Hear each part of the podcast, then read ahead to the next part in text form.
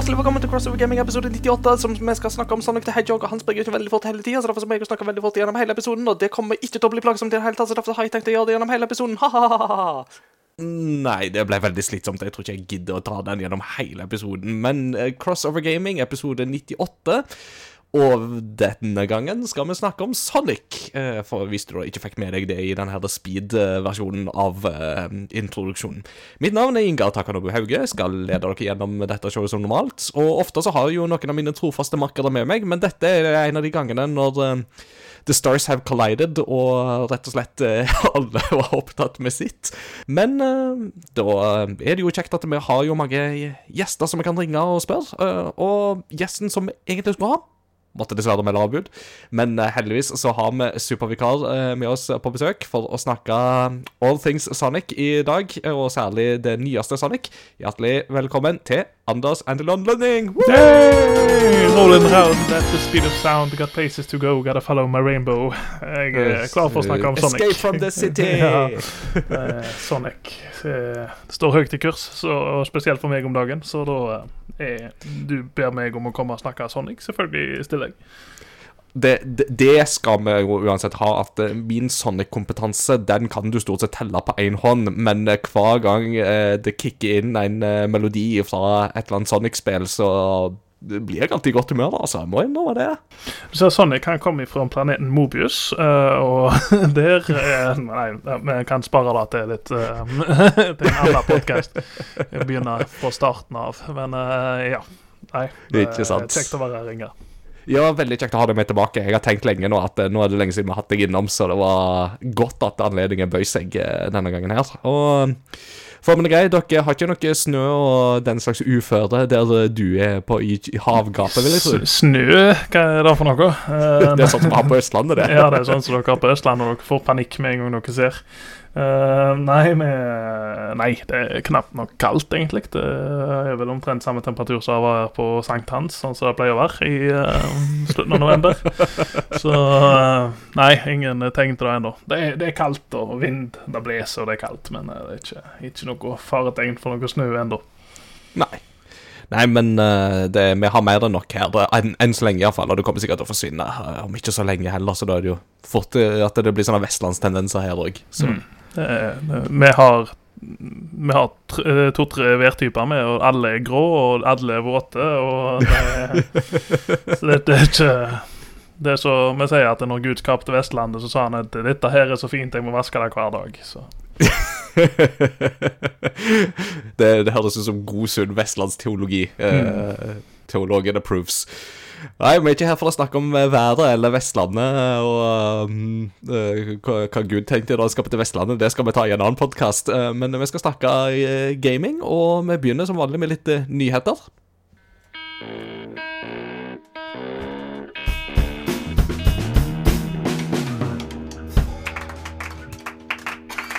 Ja. Himmelsk lyd fra ungdommene. Eh, nå er det ukens kunngjøringer. Ja, den første saken som eh, vi vil innom, den kom jo litt sånn i kjølvannet av eh, forrige episode, så den fikk vi ikke med oss da.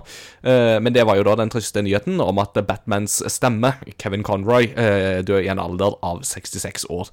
Og det er jo relevant for uh, spillesammenheng òg, for han var jo stemmen til Batman i Arkham-trilogien. Altså det vil si ikke Arkham Origin.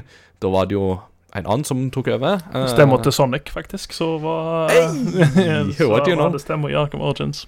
Det eneste jeg husker der, var at Troy Baker var joker. Og Ja, han gjorde så godt han kunne, men å følge opp Mark Hamill sin joker, den uh...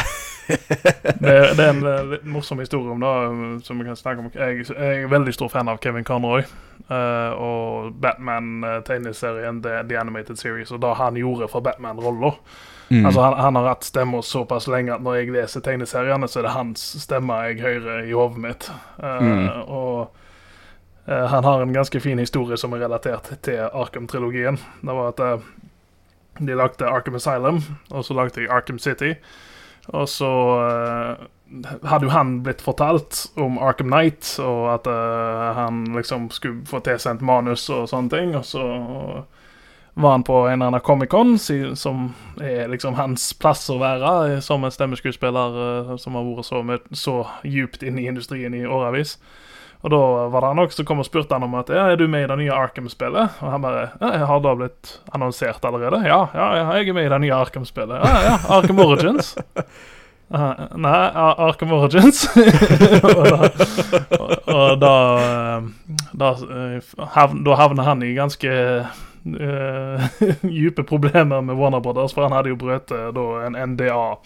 Og Ja, ja. Han hadde jo ikke lov til å snakke om Arkham Knight, men han hadde jo heller ikke snakket om Arkham Knight. Men det var liksom Hva spill snakker du om? var liksom spørsmålet. Han bare eh, Kanskje jeg snakka meg litt for mye her. Og jeg husker så godt den nyheten òg, for det var liksom sånn uh, jeg føl- De nyhetsplassene som jeg fulgte det på den tida, det var vel Destructoid og sånt. Og det var liksom um, Kevin Conroy says he's involved with uh, with next Arkham game. Which is not Arkham Origins. Nå liksom, jeg tenkte jeg da marerittet han har vært i. Ja. Den, den, den må være vond, altså. Jeg bare tenker jo på uh, Får jo bare assosiasjoner til Norman Reedus, som mer eller mindre bekrefter at jo da, Death Stranding 2 kommer, og får liksom bilde av liksom uh, Negan sitt balltre på Kojima sin Twitter etterpå. Det, det er synd at han uh, for i en alder av 66. Det var visst uh, en kreft han hadde hatt i Mm. en lang stund. Uh, Ja, men, Og det var jo eh, for så vidt kjent. Ja. Det det har vært litt sånn blanda prognoser på det og, og sånt. Og det er jo jeg, Nå har jo jeg eh, folk i eh, Ikke veldig nære relasjoner, men uh, folk som har kreft nå, som er pågående og sånne ting. Og det er jo et øyeblikksbilde som skifter seg ganske fort uh, i Mm. sånne, uh, sånne situasjoner. Men jeg forsto at Kevin Conroy og, eller at de fleste trodde at han skulle være her blant oss mye lenger enn, da, enn å fare på 66. Er tidlig. Ja, vi hadde håpa på det, absolutt. Og triste greier. Og han var jo ikonisk på mange måter. Altså, både det som sier at han forma jo Batman-figuren på 90-tallet og utover, og liksom alt som vi kjenner med Batman egentlig i etterkant av det, har jo tatt veldig utgangspunkt i hans, hans opptreden, for å si det sånn. og og eh, på liksom bak kulissene òg så var jo han en framtredende figur. Eh, som eh, homofil stemmeskuespiller så var jo han eh, var det, Som han sa, altså det var på en måte mye med på en måte Batman-rollen som var på en måte så relaterbart med dette med å gå med masker og skjule sin identitet og den slags. Og det med den åpenheten som han hadde rundt det, var, var, var ganske forbilledlig, vil jeg, vil jeg si. Ja, det, og, og det er liksom hvordan eh, Spesielt når vi ser på alt som har skjedd med Bajonetta, stemmeskuespilleren og sånne ting. Jeg vet ikke eh, om dere har snakket om det tidligere, men det er liksom hvordan du knytter ei stemme til ei rolle. Og Mm. Uh, med han uh, Med uh, Kevin Conroy og, og Mark Hamill, og egentlig han Tim Daly, som har stemmer til Supermann. Det er liksom sånn jeg, jeg, Det gjør meg ikke når noen andre stemmeskuespillere får prøvd seg. Nå har jo Jensen Ackles fra Supernatural hatt stemmer som Batman i et par filmer. og det fungerer jo, men det er sånn, du merker det med en gang at det, OK, dette føles ikke helt rett ut. Og det, vil jo være sånn for meg, men det vil gjerne ikke være sånn for kommende generasjoner. Og sånne, altså De som er yngre gjerne, men, men for oss som vokste opp på 90-tallet og uh, tidlig 2000 og sånn uh, Altså Han hadde jo stemmer ikke bare i Batman The Animated Series, men også Batman Beyond, når han spiller Batman som gammel. Og Han Mm. fikk, han fikk jo muligheten til å spille live action Batman ved en anledning i en av eh, disse Arrowverse-seriene. Jeg tror det var den Bat eh, De hadde en crossover-eventen Infinite Crisis.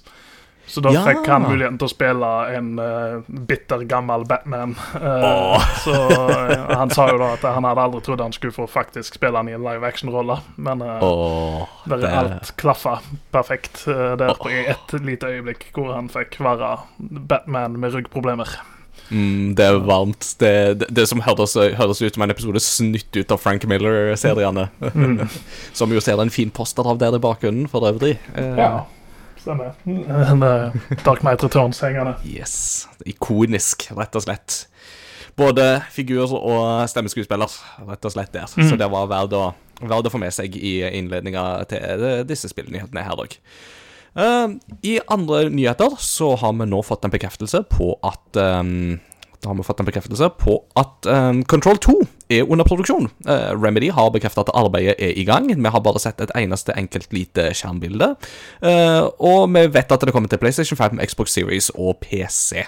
Uh, budsjettet var visst ganske høyt denne gangen her. Jeg tror det var snakk om 50 millioner euro, så det var jo en Remedy's been busy. mm. og de er jo busy òg nå. Altså, De jobber jo med både det og Alan Wake 2, og Max Payne får jo en remake, og Ja, det De har mange jern i ilden, de, altså. De har det.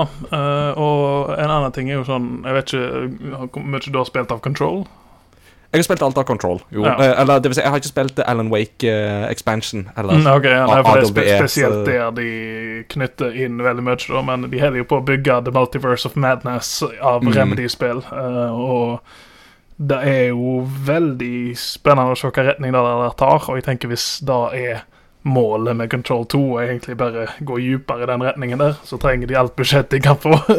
men eh, ja, jeg har vært veldig stor fan av Remedy i mange, mange år, og uh, helt siden Max Payne spiller. Og det er alltid det En kan si om gjerne ikke alle spill deres har vært uh, fullklafra uh, før Control, så har det liksom alltid vært en særegen ting at du kan si at dette er et Remedy-spill. Og da merker du med Max Payne 3 at det var ikke, det var ikke et Remedy-spill. Og det er løye hvordan det der, der funker. Og jeg er veldig spent på å se Nå har de litt mer frie tøyler etter de fikk en suksess med kontroll, så Mm. Det er kjempe, kjempekjekt. Eh, Jeg har jo ikke spilt den eh, um, Alan Wake-expansionen, men eh, det er, det er jo veldig åpenbart gjennom hele Control at Alan Wake-universet er en del av dette her med at du finner jo denne eh, masse bøkene, og det er jo referert til liksom TV-serier, eh, altså de samme type TV-serier referert til, og du får jo, finner jo til og med Får jo til og med musikk av Old, Old Gods of Asgard, eh, Mm. dette eh, metal-bandet, som vi har liksom Åh, de der øyeblikkene både i Alan Wake og Control er bare helt fantastiske. Uh... Et lite hot tips til de som har Xbox Series X eller Series S. Uh, Max Payne 1 og 2 er tilgjengelige via bakoverkompabilitet fra Xbox, uh, den første Xboxen. Og de Nice. heller seg så utrolig godt at du vil ikke tro det. Det er liksom, altså, å, å spille de på Series X det føltes ut som nye spill, så hvis dere er sugne på Max Payne og ikke har lyst til å vente på remasteren, eller remaken, som de skal lage, hiv dere i gang med dem. De koster Nice. nesten ingenting. nice. Jeg noterer det bak øra og pusher spillet på nytt i retrospillauget, så får vi kanskje spilt det neste gang. ja, det var gøy. Og så håper jeg bare det blir lenge til vi ser uh, Quantum Break i dette her eh, Remedy Multiverse, uh, for det var Det spillet har jeg ikke så mye fint å si om, dessverre. Jeg har det der borte i hylla. Du har det der, ja. Nei, jeg spilte det på PC, og det var så lite optimalisert for PC. Det spillet Ja, det var det, var, det var ødelagt. Altså, jeg tror jeg Jeg tror jeg har prøvd å boote det opp igjen for ikke så veldig lenge siden, hvis jeg husker rett, og det var fortsatt ikke Fungerte fortsatt ikke bra, altså, på nye hardware. Så det var Ja, sånn kan det gå. Men uh, Lance Reddick var nå med, iallfall, så det er nå noe. Ja, og Sean Ashmore, Iceman Mm. fra uh, X-Man. Ja, og det var vel òg Dominic Monaghan var vel òg med, Mm. hvis jeg ikke husker feil. Stemmer. Igjen. Igjen, uh, fra et uh, studio som har levert i, i alle fall noen kvalitetsspill, til et annet studio som også har levert noen kvalitetsspill, CD Projekt Red. Uh, de har jo nå kunngjort at The Witcher 3 får en oppdatering til PlayStation 5 og Xbox Series den 14. desember. Eh, og dette blir jo da i kjent stil for studioet. Det gratis for alle de som eier spillene fra før, så det, det kan vi sette pris på. For en som har alltid fysisk eh, av The Witcher 3, alle versjoner, så kommer det òg en fysisk versjon av eh, denne utvidelsen, så det, Gotta buy fast. Ja, det går nå iallfall uh, noe penger ut vinduet der, for jeg har både PC Jeg har, jeg har komplett av PC, Xbox og PlayStation-utgavene, med expansion packs og alt, eh, fysisk. Wow. Så um, det blir spennende, dette her. Nei, det, er veldig gledelig at de gir den oppdateringen, og at nye quester med stemmeskuespillerne uh, vender tilbake. Så sånn. Får se hvor, innholds, eller hvor mye innhold det er, men det blir vel fjerde eller femte gangen jeg spiller gjennom The Witcher 3, så det blir spennende. Får vi si, da.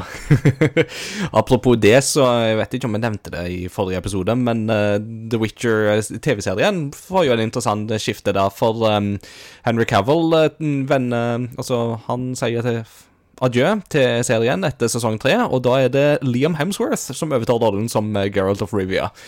Og min umiddelbare reaksjon der det er jo litt sånn nei, men på den andre sida Det var jo mange som var litt nei da Henry Cavill skulle innta den rollen òg, og det gikk jo ganske bra. Så jeg tenker vi får bare vente og se. Men det er jo interessant å se hvordan, den, hvordan det kommer til å gå, da. En ting jeg kommer til å snakke om litt senere i denne podkasten, er at det er veldig lett å være negativ uh, og, om alt på, Mm. for tida. Og internett er, er Det føles verre ut enn noen gang. Ja.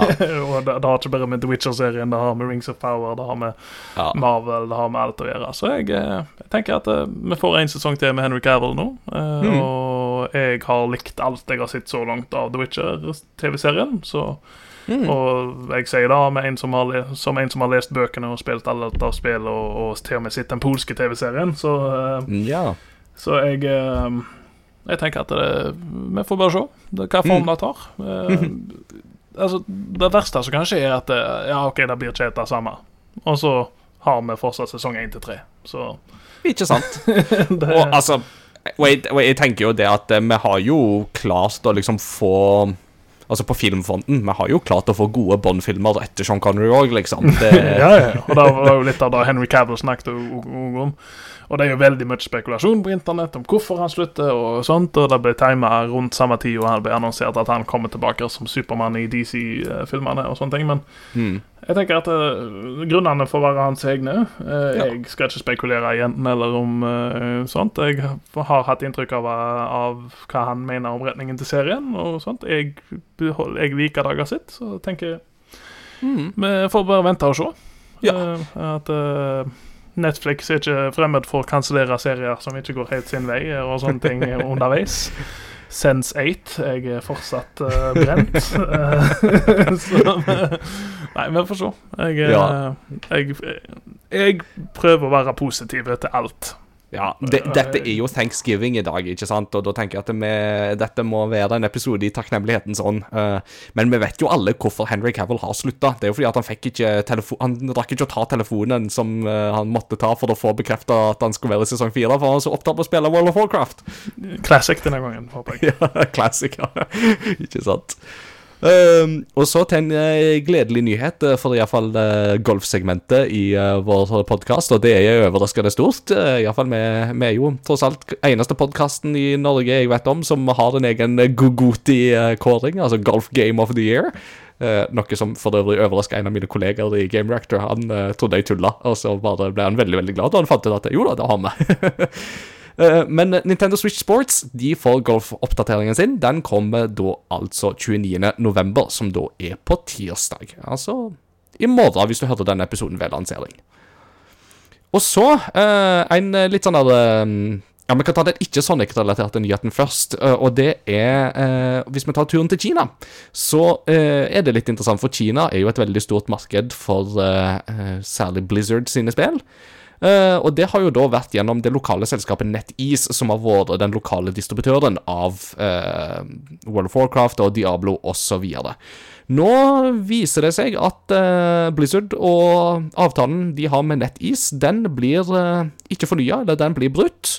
Og det betyr at spill som Diablo, Overwatch og World of Warcraft ikke vil være tilgjengelig i Kina fra og med 23.1.2023. Og det er jo fryktelig interessant, særlig med tanke på at du har et spill som Diablo Immortal, som jo var skreddersydd for det kinesiske markedet. Uh, hva tenker du?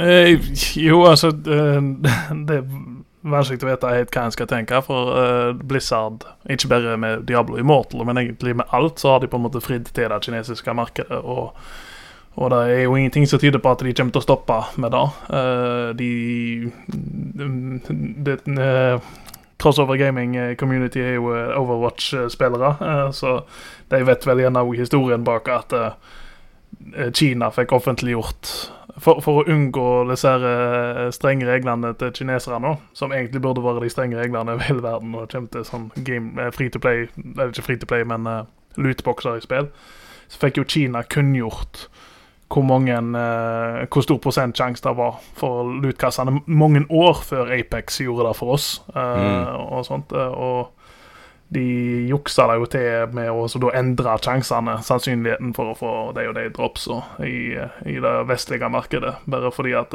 de liker å ha oss under tommelen sin. Mm. Uh, men jeg har forstått at når det har med Kina å gjøre, så er det at du må liksom ha et sånn point of contact for å ha lisens i landet. Uh, Mm. Jeg, men, jeg husker ikke om det var Nintendo eller om det var eh, Square Enix som må, eh, for ikke så lenge siden også måtte kutte liksom alle båndene til alle kinesiske eh, selskap, pga. at de har ikke en representant i Kina til å så- som har lisens til å operere der. Så Mm. Jo. Jeg tror det var Nintendo, det, faktisk. Altså, De har jo prøvd å få et fotfeste i det kinesiske markedet gjennom IQ, uh, som Ja. var liksom deres lokale der. uh, men eh, etter Animal Crossing ble liksom en stor satsing og lansert og alt, så fikk plutselig det problem fordi at folk kunne besøke øyer der folk var veldig positive til Hongkong-frigjøringsbevegelser Ja, og sånt. Og da tar det jo ikke lang tid, vet du. Og så har jo de kinesiske myndighetene har jo i veldig stor grad begynt en sånn her anti-gaming-innsats, nærmest for å snøvle inn eh, gaming-tida til ungdommen og sånt. Mm. Og, og det er jo i og for seg greit nok det å ha på en måte et sunt forhold til gaming, det skal vi jo ikke så rekke fra, men eh, hvorvidt liksom den statlige overformynderiet som liksom Ja, det er Ja, altså, jeg sitter i foreldremøter hvor vi sitter Hvor mye lar du barnet ditt spille? Eh, og jeg skulle jo gjerne vært befridd eh, den, de, de diskusjonene der. Eh, men eh, jeg vet ikke om jeg ville at eh, Støre og co. skulle satt grensene. Eh, det, er- det er som far min ville sagt, at det er forskjell på å barbere seg og skjære hodet av seg. Eh, og jeg, jeg vet ikke om jeg, jeg vil kalle noe som helst med måten Kina er styrt sunt på. Så Nei. eh, but, but det eneste vi kan si, er at de har i det minste fått hurtigtog, og det tok de Ja, liksom sånn to år å lage, da, så det var jo sånn When they want something, they get it done. ja, da, gjør de. Så, yeah. Uh, med det så har denne podcasten blitt bannlyst i Kina, så da går vi over til Japan i stedet og snakker om den Sonic-relaterte nyheten, nemlig en nyhet knytta til Yuji Naka. Yuji Naka er jo eh, for mange kjent som uh, skaperen av ikoniske spill, eller i alle fall en av hovedhjernene bak eh, spill som Sonic og Nights Into Dreams og uh, Balen Wonderland. Skal jeg gå bort og hente det? Det står på hylla. det, det går fint. Jeg tror deg. Jeg, tror deg. Jeg, det- jeg må bare spørre, er det spillet like horribelt som uh, ryktene vil ha det til? Nei, det er helt greit. Det er helt greit, Det, det, det er Hva skal jeg si? Altså, det, er, det er jo tydelig at det der spillet ikke har fått den kjærligheten det trengte.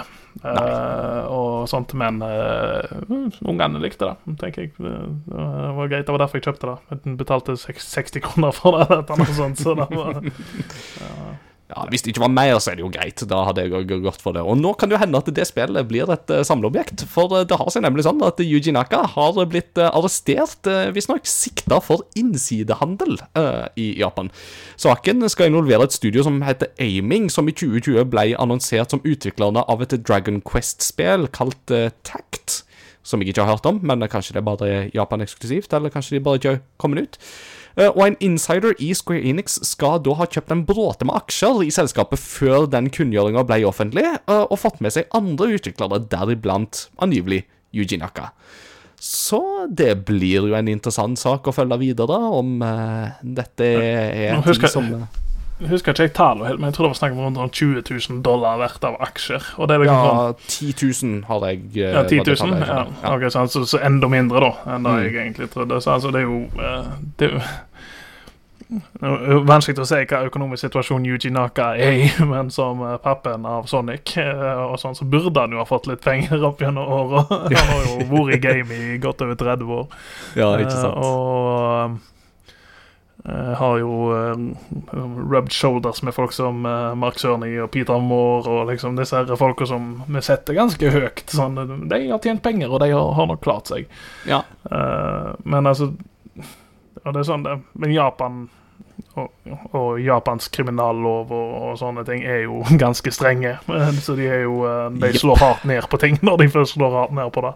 Ja, og det er liksom litt den at eh, eh, Særlig da med en såpass offentlig person som det Yuji Mm. Naka er, så tenker jeg at eh, det, det liksom Kommer du til det nivået der, så er det fort ganske alvorlig, altså. Det Mm. er ikke sånn som bare skjer sånn ut av det blå. eh, og Ja.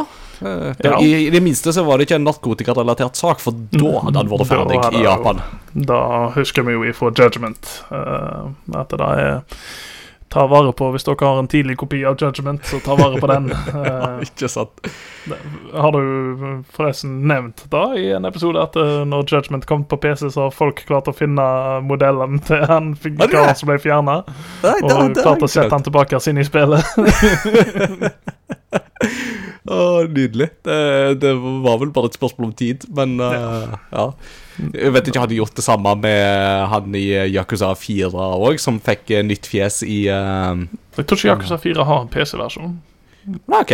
Um, for jeg tenkte at disse hadde tre, Yakuza 3-5-remasterne Ja, jo, de er jo på GamePass. Det, ja.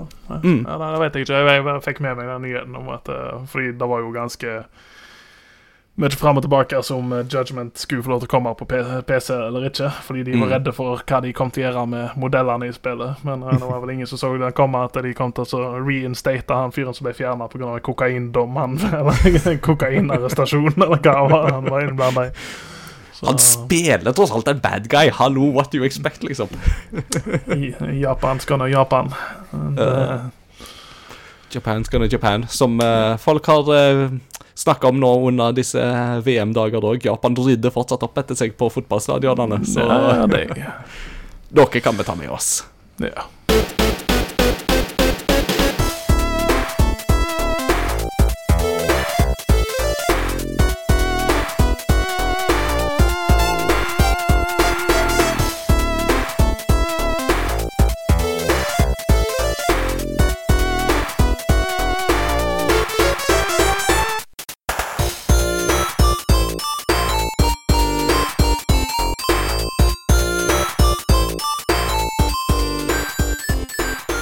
Da tenker jeg at eh, tida er kommet for å ta Sonic-praten, og det er jo eh, litt sånn kjekt for meg, for at eh, Sonic har alltid vært en litt sånn blindsone for meg. Um, jeg har jo spilt noen sånne provisoriske brett av de gamle Sonic-spillene, litt her og litt der, og uh, fikla litt med Sonic Adventures 2 på GameCube og litt sånne ting som det. Men jeg har liksom aldri hatt den der store Sonic-interessen. Eh, så når Sonic nå er tilbake med spillet Sonic Frontiers, så har nok det glidd litt Altså, det har ikke glidd under radaren min, men det har nok vært et sånt spill som jeg ikke har prioritert. Men eh, du, Anders, har jo eh, derimot en litt annen Sonic, et annet forhold til Sonic, og du har jo testa dette her, og derfor skal vi snakke litt om 3D-Sonic. Jeg har liksom satt det der provisoriske temaet Er 3D-Sonic-spill tilbake?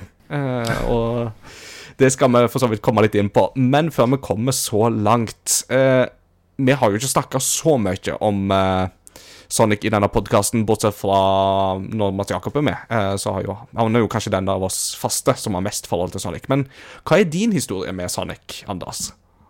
Det er vel hele barndommen min, eh, mer eller mindre. Jeg, eh, den første spillkonsollen jeg hadde i hus, var en Sega Mega Drive. Eh, og da fulgte jo med Sonic Hedgehog, det første. Og da var et, det er en sånn ting som på en måte hvis jeg ser tilbake på barndommen min, så var da eh, Hele familien min visste hvem Sonic var, fordi at det da var den maskotten vi hadde eh, i hus, liksom, mens andre hadde Super Mario og sånne ting i oppveksten. Mm. På Bømlo, på, den, på Langvåglo, på Bømlo der som jeg er fra, det var det var ikke så mange som hadde 8-bit Nintendo. eh, eh, og Sega Megadrive fikk jo liksom fotfeste i bygda sånn rett før Super Nintendo begynte å komme til Norge og begynte å bli en ting som folk, faktisk hadde. Mm. Og på den måten så var det liksom ikke bare jeg, men alle naboene mine hadde enten Sega Megadrive eller Sega Master System. Og det var jo Sonic-spill på alle konsollene. Så, så med hjemme hos meg og i nabolaget mitt og i bygda som jeg vokste opp i, der var det liksom Det var Alex Kidd, Wonderboy og Sonic som det gikk i. Og for meg så var det Sonic. Jeg hadde med Jeg har video av når vi åpna den pakken, og det, det er ikke helt sånn Nintendo 64, men det er ikke langt ifra heller. Eh, jeg, eh, jeg tror ordet jeg brukte var 'jeg visste at vi skulle få Sega'. Dette har jeg ønska meg hele mitt liv. Jeg var tre år gammel. Uh, og ehm, Yes, det er Sonic med. det var liksom Det var omtrent de ordene.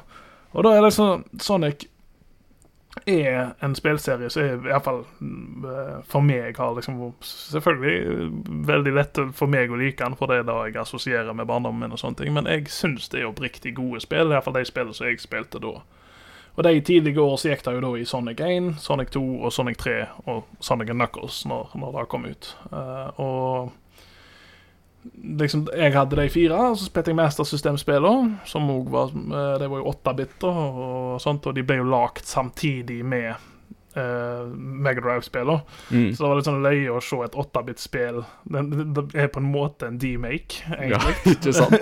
liksom en tidlig eksempel av demake av, uh, av Sonic, og det var jo natt og dag forskjell på de spillene. uh, i, uh, i, og sånn, men, men så gikk de i en egen retning, og Game, Game Gear fikk sine spill og sånne ting, og det var ingen jeg kjente som hadde Game Gear, da. Men når Jeg ble liksom ikke skikkelig fan av Mario før emulatorer begynte å komme ut, og sånne ting, og jeg kunne faktisk få oppleve å spille andre ting enn bedre Super Mario Bros. 3.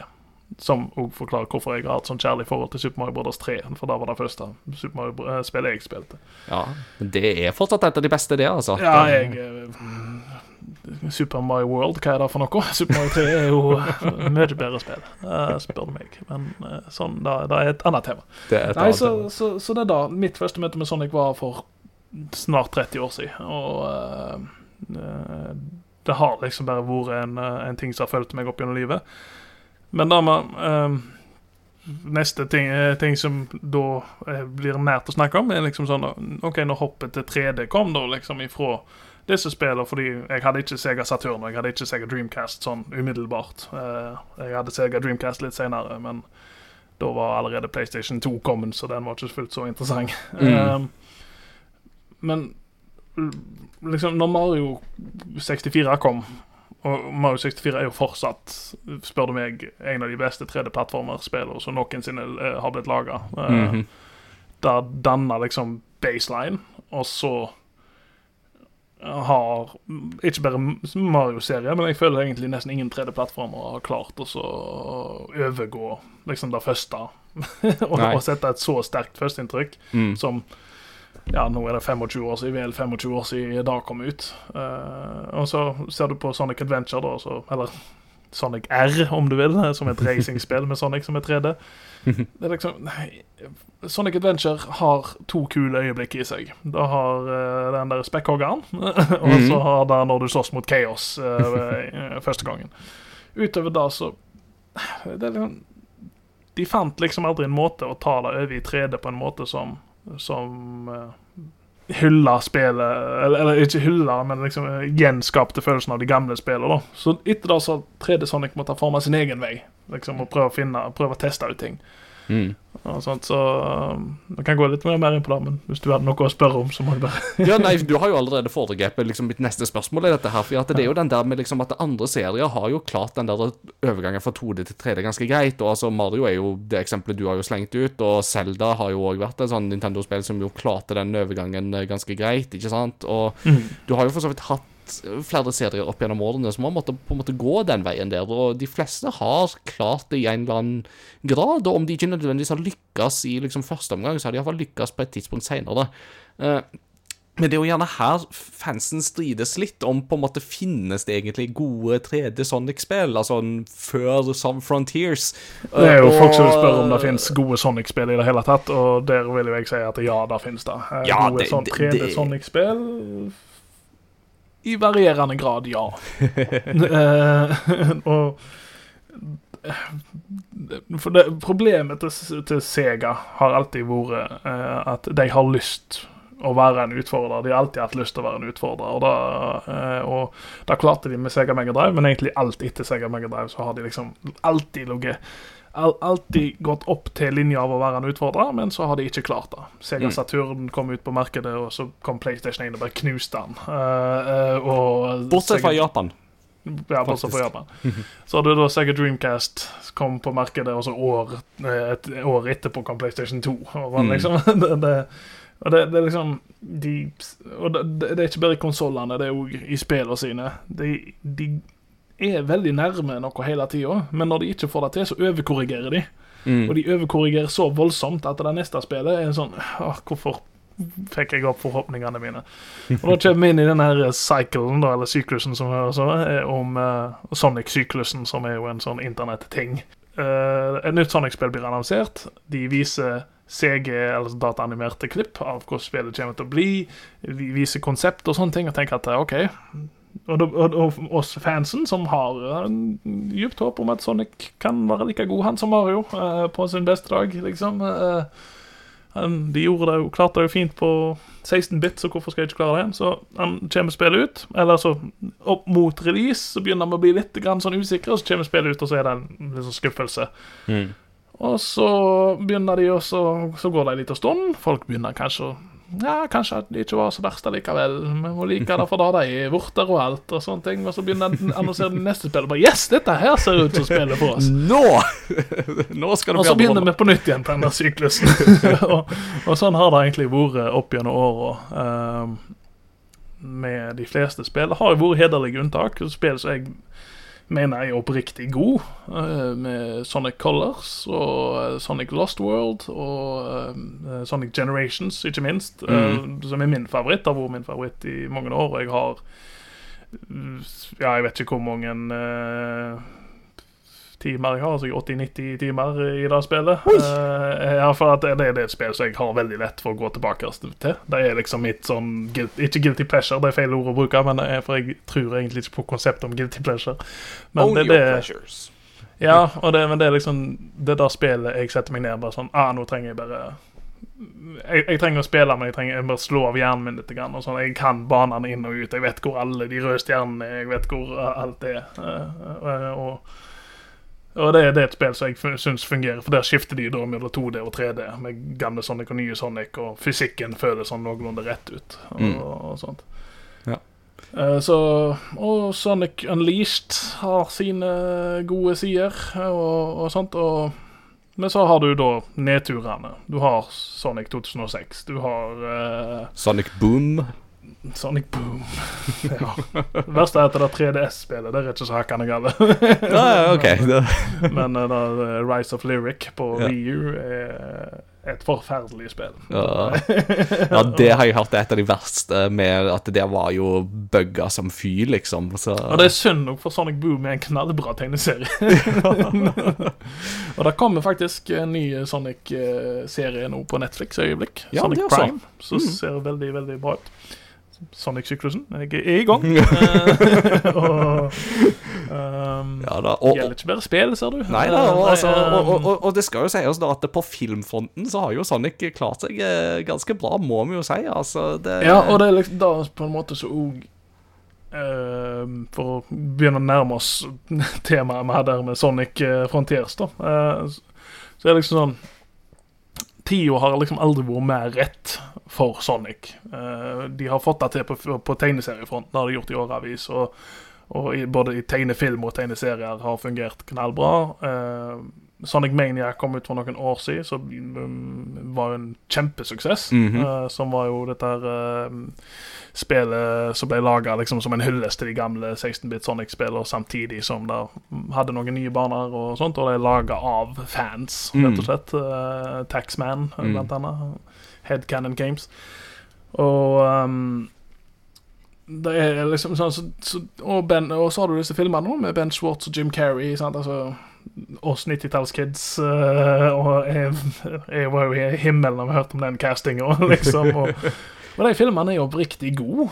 jeg, jeg, jeg, jeg må bare poengtere Ben Schwartz da var jeg uhyre skeptisk da det ble annonsert, for at han forbinder jo i rollen som John, Joe Ralphio i Parks and Recreation, og han er så ufordragelig figur. At det er sånn, Hver gang jeg bare ser han, så får jeg jo lyst til å fike til han. Ja, nei, jeg elsker Ben Schwartz. Men, men det er jo rollefiguren som er problemet der. Det er jo sånn Ja, ja. han skal være òg, så det er jo bare rett og slett Han, han, han er jo glimrende god, det er jo bare det som er problemet. Litt det samme problemet som han som spilte Joffrey hadde i Game of Thrones. Han fikk jo det problemet at folk hadde lyst til å fike til han på gata. Og det var sånn, ja, men det var ikke min feil. Ja, vi har jo litt historie om det i Norge òg, om skuespillere som har blitt konfrontert på gata om hvor forferdelige de er i forskjellige såpeserier. Eh, så det er ikke så ukjent fenomen. Eh, nei, eh, Nei, altså, og de filmene der er knallbra. Mm. Eh, Jeg har vært på kino og sett begge to. Jeg har, første jeg gjorde med en gang de kom digitalt, jeg satt og oppdaterte Google Play. Tid kommer disse filmene tilgjengelig, så jeg kan kjøpe dem på nytt igjen og, og se dem, fordi jeg, jeg liker å se dem med familien min. Eh, Selvsagt. Utrolig kjekke filmer. Og gleder meg veldig. altså Idris Elba som Knuckles er jo kongecasting, spør du meg. Altså, den der Det var liksom da jeg hørte at det var det, det de skulle kaste, så bare til og med jeg skjønte at yes, dette her, det, det er helt rett. Det er helt riktig. Det er sånn det skal Nei, så, så, det, så det er liksom sånn Så tida var liksom inne for et skikkelig bra Sonic-spill. da. Og når jeg har snakket om Sonic-syklusen, så var liksom Sonic-syklusen egentlig snudd litt på hodet når det kom til Sonic Frontiers, av at det, det første bildet de viste, eller første videoklippet de viste, var bare ah, OK, mm. jeg vet, jeg vet hva de prøver på her. Mm. Det er liksom, her, Nå er det nok en overkorrigering fra Sonic Forces, som jeg mener var et OK spill. Eh, det, ikke, det var ikke strålende på noen måte, eh, og det var veldig kort hvis du, du kunne mainline det spillet ferdig på 45 minutter, tror jeg. Du, Oh, wow. eh, nei, en og en halv time, tror jeg. Jeg har ikke sjekka how long to beat, men jeg tror det var sånn sånn en, en og en halv time. eller noe sånt. Jeg spilte jeg, jeg så credits i løpet av en kveld. Um, Gotta go fast for en helt ny betydningsnyanse. Ja, da kan jeg si at det gjorde jeg ikke med Sonic Frontiers. um, men altså, jeg mente at konseptet var noe greit nok, men eh, de, de, når de overkorrigerer, så finner de liksom De prøver å finne et konsept for å henge serien på en knagg. liksom, ah, det, det, da, Dette spillet er da spillet. liksom Sonic Generations hadde dette med switching mellom 2D og 3D Sonic. Og med Sonic Forces var det create your own character. liksom. Det var De fridde til Deviant Arts-fansen med eh, hva det kaller for Sonic OC, Original, con original Content, eller, eller sånn. eh, du kunne lage din egen furry, basically. Ja. Uh, og og det, Spillet hadde noen gode ideer, men det var, det var ikke sånn supermottatt. Og de klarte jo til og med irritere de folka som kjøper Sonic uansett hva. Uh, disse uh, demogjengen, så de, eh, demoscene-gjengen som driver og tinkrer med disse spillene etter de kom ut, pga. at de, de gikk over til en ny spillmotor som ikke var Generations-motoren. Mm. Og Generations-motoren var strålende, for den kunne du ha Det var jo Unnskyld alle avsporingene her, men Nei, nei, nei, dette er veldig, veldig bra. Ok, så Sonic eh, Generations på PC var en av de første spillene som uh, en som heter G... Nei, nå husker jeg ikke navnet på han, men fall programmet heter Gedo Santo. Mm. Uh, som er et spill som du kunne drive med oppskalering av, uh, av spill. Mm. Som du kunne drive og nesten sømløst Hvis du hadde gra godt nok grafikkort, så kunne du skalere dette til 4K. eh, og få det til å rendre i 4K. Mm. Og så kunne du downsample det til den og få det til å se nydelig ut. Og så begynte folk å grave i det, og eh, det var Og der lurer jeg litt på hvordan de har klart, fordi uh, Sonic Unleashed, så vidt jeg vet, har aldri vært på PC. Men de klarte å få ut nivåene fra Sonic Unleashed, Hmm. og så sette de inn i Sonic Generations. Så det er en måte på internett, hvis du har Sonic Generations på PC, så er det en måte du kan gjøre for å få alle banene, alle de gode banene, så ikke, hvor du ikke spiller sånn varulv, pinnsvin, uh, inn i uh, Sonic Generations. Uh, og, og da, fansen elsker jo da at de kunne, det var så fleksibelt. Folk har lagt egne baner ut av Sonic Generations-motoren, lagt egne liksom sånne demoscene-spill. Kult. Og når de da gikk over til Sonic Forces, så heiv de alt da ut pga. de overkorrigerte, sånn som jeg sier. Mm. Nei, så, så traileren da til Sonic Frontiers, som ga oss liksom inntrykk av OK, nå De, de hiver seg uh, i følge med de, alle de som har prøvd å kopiere Breath of the Wild.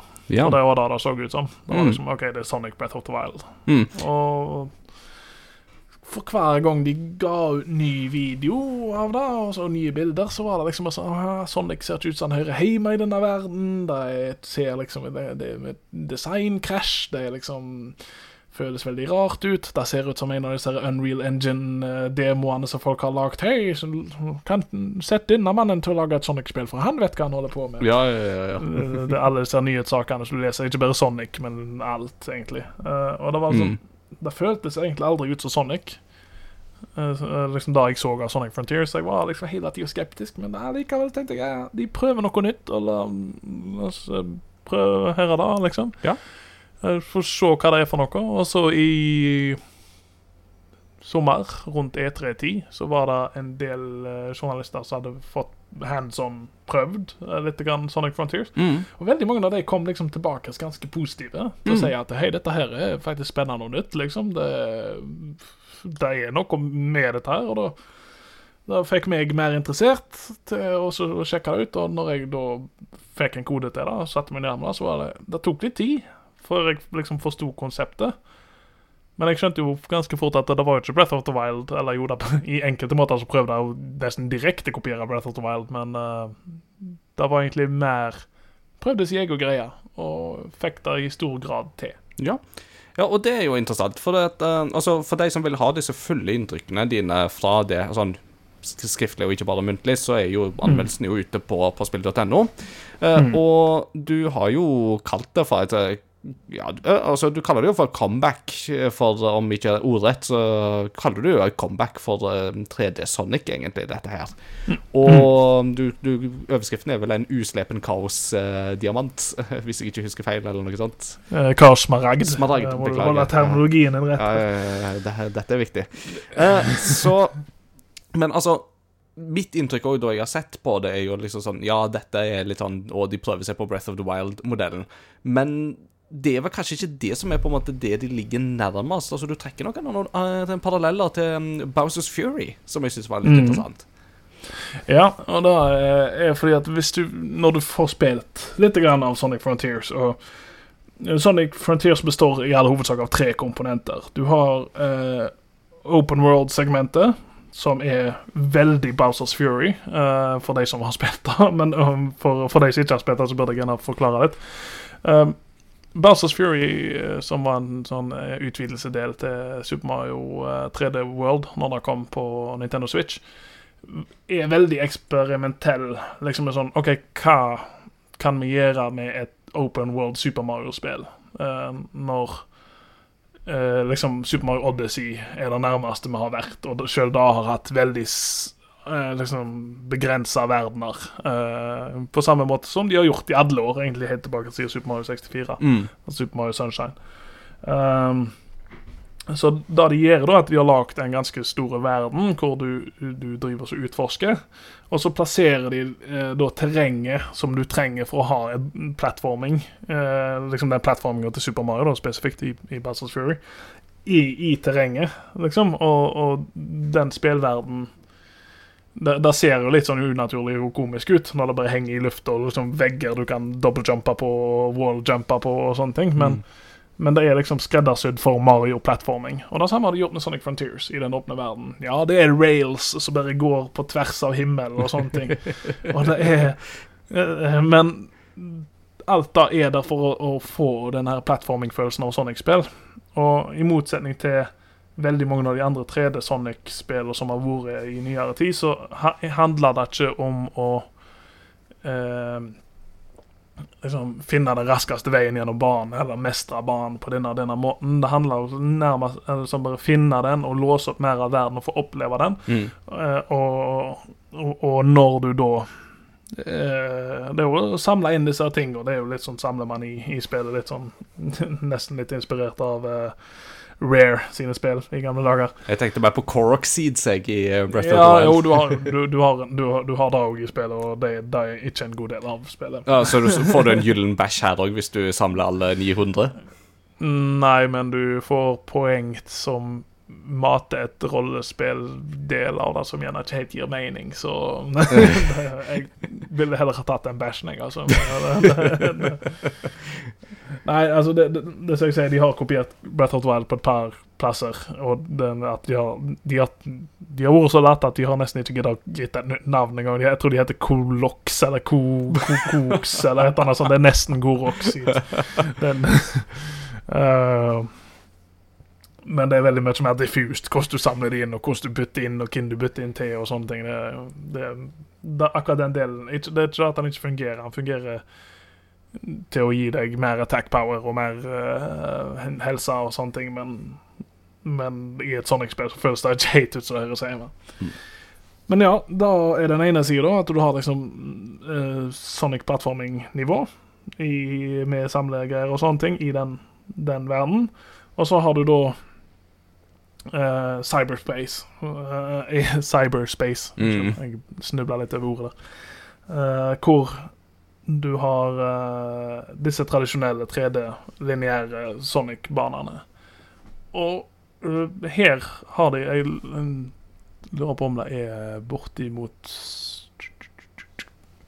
Jeg vet ikke hvor 60-70 sånne baner eller noe sånt eh, i spillet totalt. Men såpass? Nei, det, det, om det er så mange Ikke siter meg på det, men det er iallfall veldig mange baner innenfor hver verden. Og du har fem verdener i spillet. For, for i spillet eksisterer ikke en helt, helt åpen verden. Det er liksom forskjellige øyer som du besøker, men du kan gå tilbake mellom dem hva tid du vil. Mm. Men på den øya så er det en åpen verden.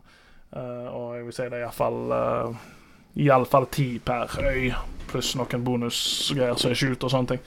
Ja. Uh, men så det, det er en god håndfull sånne lineære, uh, lineære tradisjonelle Sonic-brett med forskjellige mål og Eller ikke mål. Igjen, blir det feil å snakke det? Vel, å bare snakke sånn Ja. åpent om det. Formål, om vi skal kalle det det, da? Eller så. Ja, nei, altså, du, har, du har de samme, samme objectives i alle nivåene, liksom, men de, de er jo selvfølgelig spredd ut på forskjellige plasser, og, og du må liksom av, I noen baner kan du gjerne klare å gjøre alle på første run through, men så må du gjerne I andre så må du gjerne studere nivået litt mer nøyaktig for få- å ta og isolere disse objectives. Og. Det Mm. ene, ok, Dette runnet skal jeg gjøre den, dette runnet skal jeg gjøre den, og denne gangen skal jeg prøve å slå tida mi, og sånne ting. Mm. Uh, så eh, det, det, og, det, og det, den eneste kritikken jeg har der, fordi at de banene er utrolig godt satt sammen til å være Sonic-baner. Wow. For, fordi, og den eneste lille kritikken jeg har mot det, er at det, er litt for mye Green Hill Zone. Men det er jo liksom- det sånne som jeg kjenner til, så de må jo slenge Ja, det inn. det er jo det.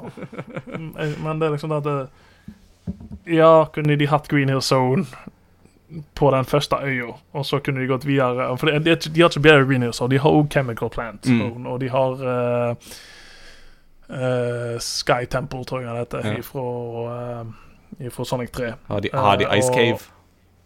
Nei, den er ikke. Men så har de en, de har en som er ny, Oh. og den er gjerne den som er kulest av alle. Liksom bare sånn, altså, til sjuende og sist gjør du det samme på disse banene. Du sklir på rails, du springer loop til loops, du uh, gjør plattforming. Mm. Men der er det visuelle designet av den nye, den som er liksom cyberspace, og det er en sånn slags sånn Neo-Tokyo-vibe over hele greiene. Bare motorveier som går over alt med japanske uh, skilter og sånne ting. Den er så kul. Og Ja. det er liksom å tenke at eh, Hadde de sluppet seg sjøl løs, hadde de liksom prøvd å eh, prøve litt mer enn å bare gå, gå tilbake til favorittene, så hadde jeg, eh, hadde jeg satt veldig stor pris på det. Mm. Men uh, ut ifra det, altså nivået er knallbra. Ja. Selv om jeg, jeg Det var flere ganger jeg sukka på ah, Green Hill Zone igjen. Liksom. Det er jo litt sånn interessant der, altså um, Lead-utvikler uh, Er det Isaki han heter? Eh, Å, ja, jeg Ja, jeg, jeg har visst det, men ja. ja. eh, uansett, jeg skal ikke, ikke arrestere meg på det. Men uh, han hadde jo en sånn uttalelse sånn etter lansering at uh, at dette var på en måte mer eller mindre nærmest en slags holdt på å si, global betatest. Eh, og om det er noe som er litt sånn lost in translation eller noe, det vet jeg ikke. Jeg har ikke hørt liksom den originale japanske uh, uttalelsen her. Men, uh, det, det, altså, men, men altså, jeg syns det er litt sånn interessant, for det gir et sånn inntrykk av at nå har de på en måte tatt og eksperimentert veldig med formelen, og så de slipper det, og så er det litt sånn Let's see what sticks. Uh, la oss se Ja. hva det er folk liker her, og hva folk ikke liker, og så ser vi hvordan dette funker. Uh, og, og, og det syns jeg jo er en litt sånn interessant Altså Kanskje måten han sa det på, var litt uheldig, men jeg eh, liker Mm. veldig godt likevel den tankegangen her, med at det her er sånn Her er det mange ting vi vil, gjøre med Sonic-formelen. Hva liker dere? Hva liker dere ikke? Let us know. In a nice Mm. ja, way. og, det, og, det, og det føles veldig sånn ut, fordi uh, uh, den, den åpne verden-delen og sånne ting, det var det, eh, Jeg nevnte jo Bowsers Fury, men en annen ting det føles også ut som, er jo Death Stranding. Som er liksom sånn Mm. Det er en sånn far out left field-greie. Så liksom er sånn Disse to her burde ikke fungere i lag. liksom Den åpne verden i Death Stranding og, og et Sonic-spill burde ikke fungere i lag.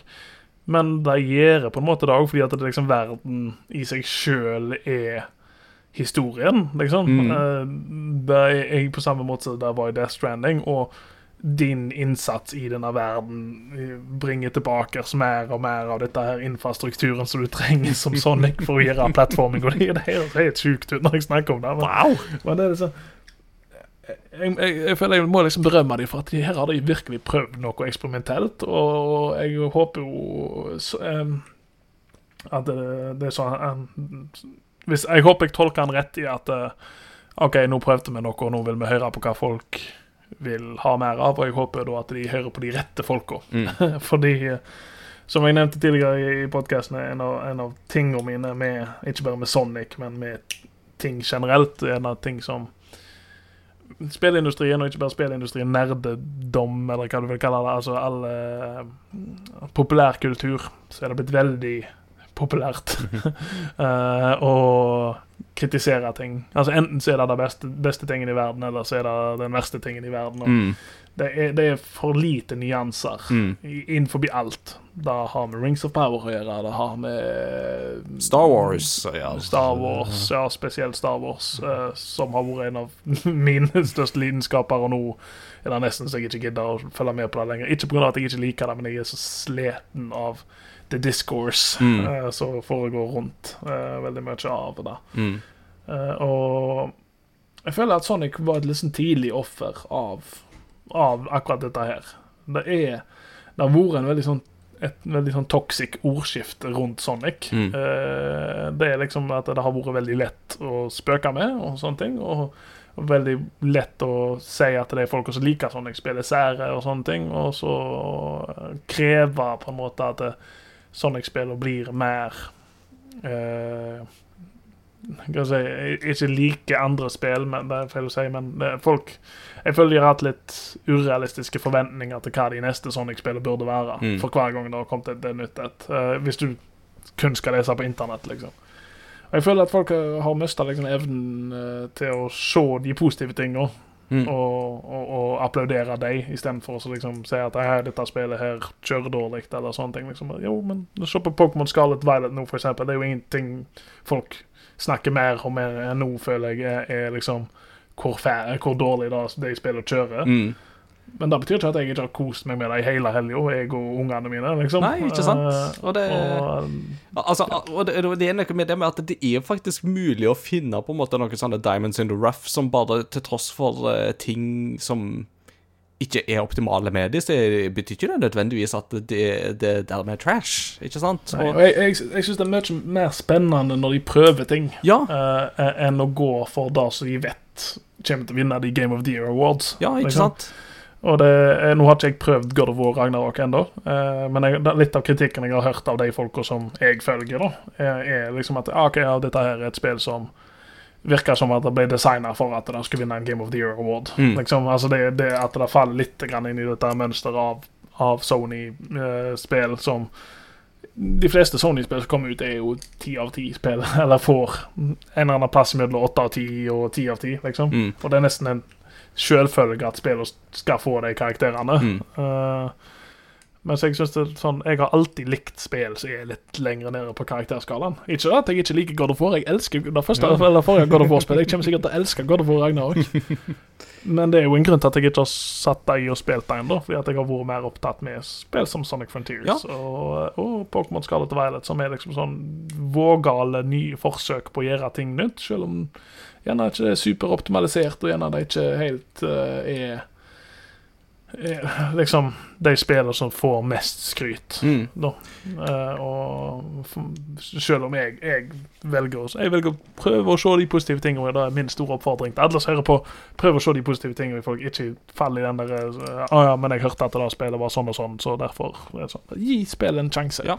Ja, og jeg tenker jo at i dette her, da, så er det jo Vi har jo snakka litt om det der, er litt som uh, du og meg av og til. Men altså, dette her med at vi må ikke glemme det at spill Altså, bak ethvert spill så står det jo et titalls eller hundretalls med folk som har jobba det- med dette her, ikke sant, og jobba hardt med det og lagt i veldig mye innsats i det, ikke sant.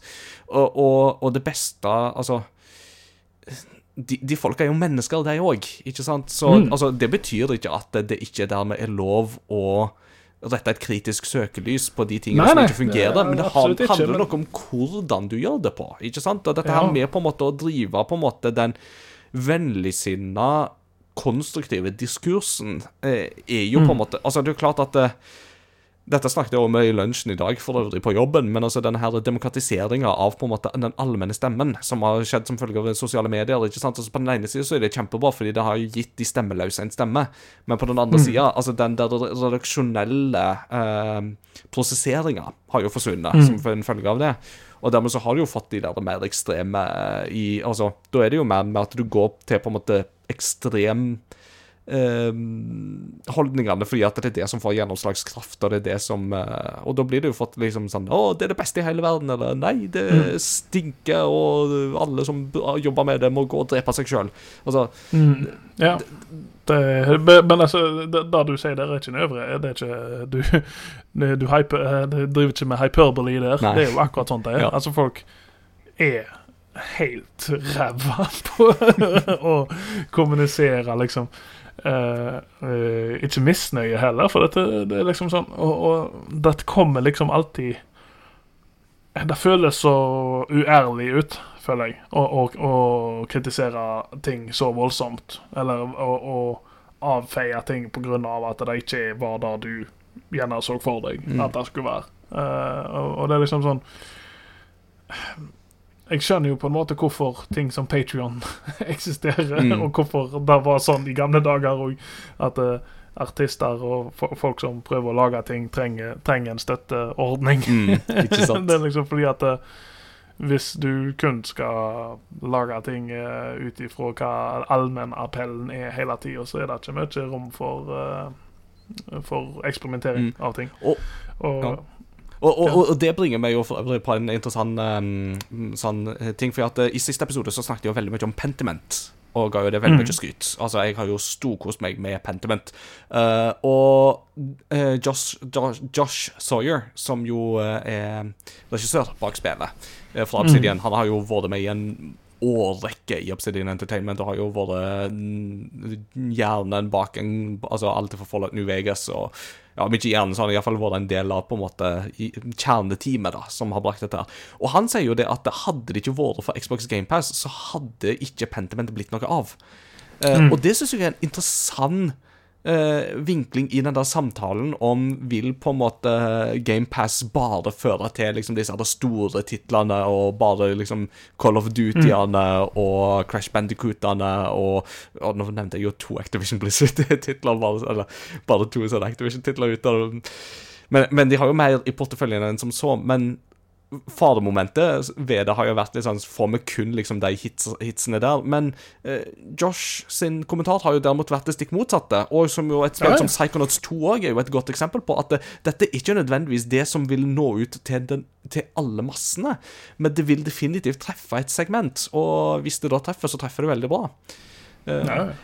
Altså Microsoft ser jo på nå, eh, på lang vei over i et helt annet tema, men Microsoft er jo mye mer in, altså Microsoft er interessert i å holde uh, innhold der som fenger, ikke som nødvendigvis uh, er de spillene som folk hadde gått ut og kjøpt uansett. Mm. Altså for, for hvis folk er mer enn uh, Vil være mer enn tilfreds med å gå i de gamle kjøpevanene sine og vil kjøpe de spillene de kjøper og sånne ting. Da ser du med salgstallet til spill som Fifa og Grand Theft Auto og, og sånne ting. Mm. Liksom det, det stopper ikke det der, men da er det veldig fint at GamePass gir sånne eh, og, og Microsoft har på en måte kapasiteten til å la eh, lidenskapelige prosjekt bli en realitet Mm. på en måte. Og, og det er mange spill, ikke bare da, men så Vampire Survivors òg, liksom, hvor, hvor mye da spillet der har fenga folk. Ikke at Vampire Survivors koster så himla mye å kjøpe. Det er, ikke, det, det er veldig lav eh, barrier for entry når det er 20 kroner det koster på Steam. Eller hva det er. Men, men at et sånt spill kan bli et spill som nesten alle snakker om, Mm. uh, iallfall om, bare- om bare for et lite øyeblikk. Mm. uh, på grunn av at det er så tilgjengelig som det er på GamePass, uh, er jo utrolig stilig. Og, det, og det, er, det er et veldig godt poeng at, eh, at eh, så, så, altså Josh Sawyer sier jo der, liksom, altså Obsidian har jo hatt kniven på strupen ganske lenge. Og jeg tror Ja. de var fornøyde med å komme inn i varmen til Microsoft, Absolutt. og så samtidig da få ganske frie tøyler til å lage et sånn lidenskapsprosjekt som gjerne ikke koster all verden, men Mm. som Take Two, for eksempel, ikke hadde ville greenlighta. Nei. eh, og sånne ting. Så, så det er Nei, det er Men for å snakke om hvordan det var med Sonic, da. Ja. så er det at eh, Ja. Sega virker jo da Sega virker jo ivrig til å prøve å få Sonic til å virke Mm. uh, i 3D. Og uh, jeg håper bare de ikke overkorrigerer. og det, det, det, var- det var det jeg, det var det jeg snakket om, var liksom at jeg håper de hører til de rette folka. Mm.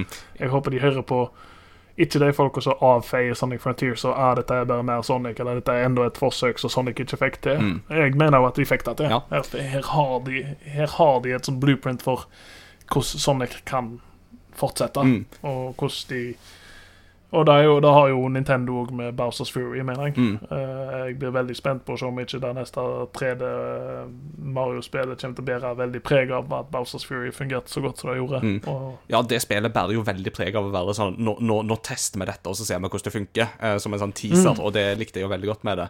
Men når du nå først er inne på det, uh, altså Hva vil du si har vært Hvis du skal prøve å kondensere det, eh, hva vil du si har vært det generelle problemet med 3D Sonic-spill, og hva er det som gjør at Sonic Frontiers løser det?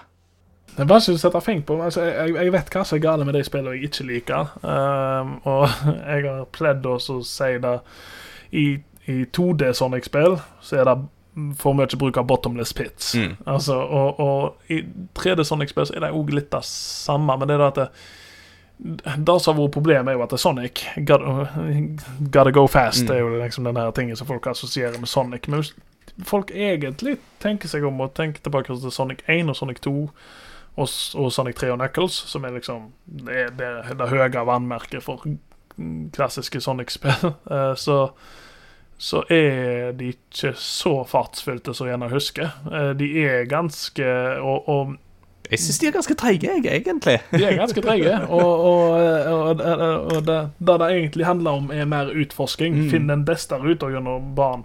Ler barna å kjenne.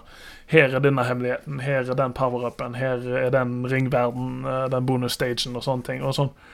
Sonic Mania er jo et spill som jeg har spilt opp og ned og i mente siden det kom ut, og jeg oppdager fortsatt nye barna og nye veier. 'Å ja, dette her var litt kjappere', og sånne ting. Og, og her kan jeg gå for å få tak i den Kaos-emeralden, og jeg kan gå innom Så nå har jo jeg kokt det ned til at jeg kan få tak i tre av uh, sju. Det er sju Kaos-emeralder, tror jeg. Ja. Eh, tre av sju Kaos-emeralder før jeg har kommet gjennom de første, eh, første to nivåene i spillet. liksom. Det er jo fordi at jeg har, har spilt i så grundig. Jeg vet hvor jeg skal gå, jeg vet hvor mye ringer jeg må ha, jeg vet hvor jeg finner de ringene, og sånne ting. Eh, og For meg så har det liksom alltid vært en del av spillet, og det er da jeg føler Sonic Frontiers får godt til. da. Fordi de banene som jeg ikke syns er så gode, sånn som og, og en annen ting er jo at spillet må jo kjøre bra. Mm. For, fordi det har alltid vært Det var det Det er egentlig litt arv de bærer ifra seg fra uh, Nights Into Dreams, Mm. er at presentasjonen må være god. Mm. Du må forstå det som skjer på skjermen. Du må liksom få det, og, men, men presentasjonen er viktig òg i form av at det, det er en såpass stor del av opplevelsen å bli dratt inn i, i disse animasjonene og sånne ting som de har tatt seg bryet med å lage. De har, det er eh, Det er på en måte det, Folk er ikke flinke nok til å berømme veldig god animasjon Nei. i spill, føler jeg. Eh, og Sonic-spill har vært knallgode på det der i årevis. Eh, og um, i Sonic Frontier så føler jeg liksom de klarer å, å, å sammenføre gameplay, godt gameplay med Eller gameplay som føles godt å spille, da. Med animasjoner som er sånn Setter pris på at Sonic på et eller annet tidspunkt i spillet er sliten Mm. av noe som skjer i spillet. Og du ser det på karakterene hans. Og må- må- de, har, de har en sånn eh, sti, utrolig stilig uh, uh, Det er et eller annet de gjør med engine-verktøyet sitt som gjør at uansett hva vei du ser Sonic ifra, så vil du alltid se moen hans. Uh, Selv om den bare er en liten del, som flytter seg rundt på der snutepartiet hans, liksom. Så det, det, det er utrolig mye stilig i spillet som på en måte er veldig lett å øve med første øyekast. Og 3D, de, tredje 3D Sonic-spillene som ikke har vært gode på det, er som regel de som Eller de 3D Sonic-spillene som ikke har vært gode, er som regel de som har et veldig lineært nivådesign som ikke byr opp til utforskning. Eh, de kjører som regel ikke noe bra i det hele tatt. Og at de er klossete designer, rett og slett. Mm. Uh, og det er liksom der Sonic Colors har vært knallbra. uh, Sonic Lost World har vært bra. Sonic Generations og Unleashed. De, alle de føler jeg har hatt Mm. veldig gode level design Mm. som har bydd opp til flere gjennomspillinger og sånne ting. Og da Sonic Forces hadde ikke det. Der var det one and done på hvert nivå. Ja. Og du hadde ingen grunn til å gå tilbake. Ikke sant. Uh, du nevner jo litt av denne her performancen, men jeg har jo skjønt at dette kjører jo ganske variert. Altså alt ifra å kjøre veldig stabilt og bra på en eh, altså jeg vil jo si current gen-generasjoner nå, med PlayStation 5 og Xbox. Altså, du kan iallfall få tak i en Xbox, eh, folkens, så ikke sitt og vent på en PlayStation 5 hvis du ikke får den. Gå for en, gå for en Xbox, just saying. Eh, men eh, Jeg har to. Ja, men, eh, men Switch-versjonen har jo derimot eh, har skjønt er jo temmelig skral. Eh, ikke på et Pokémon Scarlet Violet-nivå, kanskje, men fortsatt ganske skralt. Ja. eh, John Linneman fra Digital Foundry sa vel uh, det best i at uh, Du kan spille spillet på Switch, men hvis du har noen annen måte å spille det på, så hadde jeg valgt det. Mm. Og dette er jo òg et uh, multi-generational spill. Det er jo ikke bedre på Altså det, det er på PlayStation Dayway, på Xbox One. Mm. Du kan spille på den aller første Xbox One. liksom Du kan spille på Xbox One S, du kan spille på Xbox One X. Mm. Xbox Series S, Series X, uh, PC, PlayStation 5, PlayStation 4, PlayStation 4 Pro. Altså Alle har liksom forskjellige var var variasjoner, men det de sier liksom PC, PlayStation 5, Xbox Series X er de beste måtene å spille spillet på. Xbox Series X er overraskende god, eh, og Xbox Series S-en er rundt samme nivået der, eh, liksom. eh, Som så jeg vil gjerne si at det er litt skuffende på Series S, men imponerende på X, pga. at X klarer det så bra. Mm. med tanke på kraftforskjellen og sånne ting. Men ja, nei, det er, det er et spill som jeg, jeg mener jeg, du bør gå etter å spille den, den beste, beste Eller den beste, og da PlayStation 5 og Xbox Series X kjører helt likt. Mm. Så, og PC-versjonen er jo avhengig av Har du en god nok PC. liksom. Ja. Så. Mm. Uh, helt sånn uh, avslutningsvis i temadelen Nå har vi jo holdt på i det vide og brede takket være bl.a. den veldig god, men eh, konstruktiv uh, digresjon som vi hadde der, som jeg setter pris på. Men se, se nå at um, vi, vi, Vil du tro at Sonic Frontiers klarer å sette en ny standard nå for Sonic? Og hvis ja, hvor tror du den veien går videre? Hva tror du og håper du at de tar med seg fra dette her? Jeg håper de, de fortsetter med den åpne verden, i hvert fall til en viss grad. Problemet, det, det problemet jeg ser der, er konteksten. Liksom hvor Dette spillet er jo satt i en veldig øde verden, og det er det en god grunn til i historien. Mm. Og du kan liksom ikke gå tilbake til den brønnen for ofte. Det er jo en, en av de tingene jeg er veldig spent på å se med Breath of the Wild 2 òg. Er liksom hvordan hvordan gjenskaper du det scenarioet der som det spillet er satt i, på en måte. Mm. Uh, og, og da er jeg, jeg er litt redd for det, så jeg er spent. for Jeg, jeg, jeg håper håper at de beholder liksom dette så jeg kaller det Bowsers Fury-preget over seg, med, med en verden som du får utforska med Sonic og alt, han, alle hans movesets, Mm. liksom, og du blir belønna av det. Jeg håper òg at de holder på de lineære eh, nivåene, som er liksom det kjente sånne gameplay, da med Nå snakker jeg, snakker jeg for alle fans av Sonic-spill, eller i hvert fall 3D Sonic-spill, eh, vi går til serien for. Mm. Som er liksom disse her interessante nivåene som byr opp til mer gjennomspilling og sånne ting. Da jeg håper de kvitter seg med, hvis jeg kan få si det så, så rått og brutalt, Ja, ja. så er det da at de, de trenger ikke prøve å kopiere Breath of the Wild noe mer enn det de har gjort. Eh, og de, de, det er en god del der de kan kutte sånn i forhold til dette her med eh, så RPG mechanics og sånne ting. Det, spillet trenger det ikke, liksom. Du, du kan Og, og det, det er ikke bare et problem Sonic-spill har, det er et problem alle spill har. Du kan gjøre karakteren kraftigere gjennom historien uten å, å, å liksom synliggjøre det på en måte som gjør at det bare blir masse tall og masse ting som på en måte ikke føles naturlig ut i et sånt spill. Uh, Sonic Generations Mm. hadde ingenting sånt. Og uh, du er ikke noe kraftigere i slutten av det spillet enn du er nå i begynnelsen, liksom. Og, og sånt. Men jeg, jeg skjønner ikke hvorfor spill må ha det. Uh, men det er nok ei fokusgruppe som har sagt det en annen gang.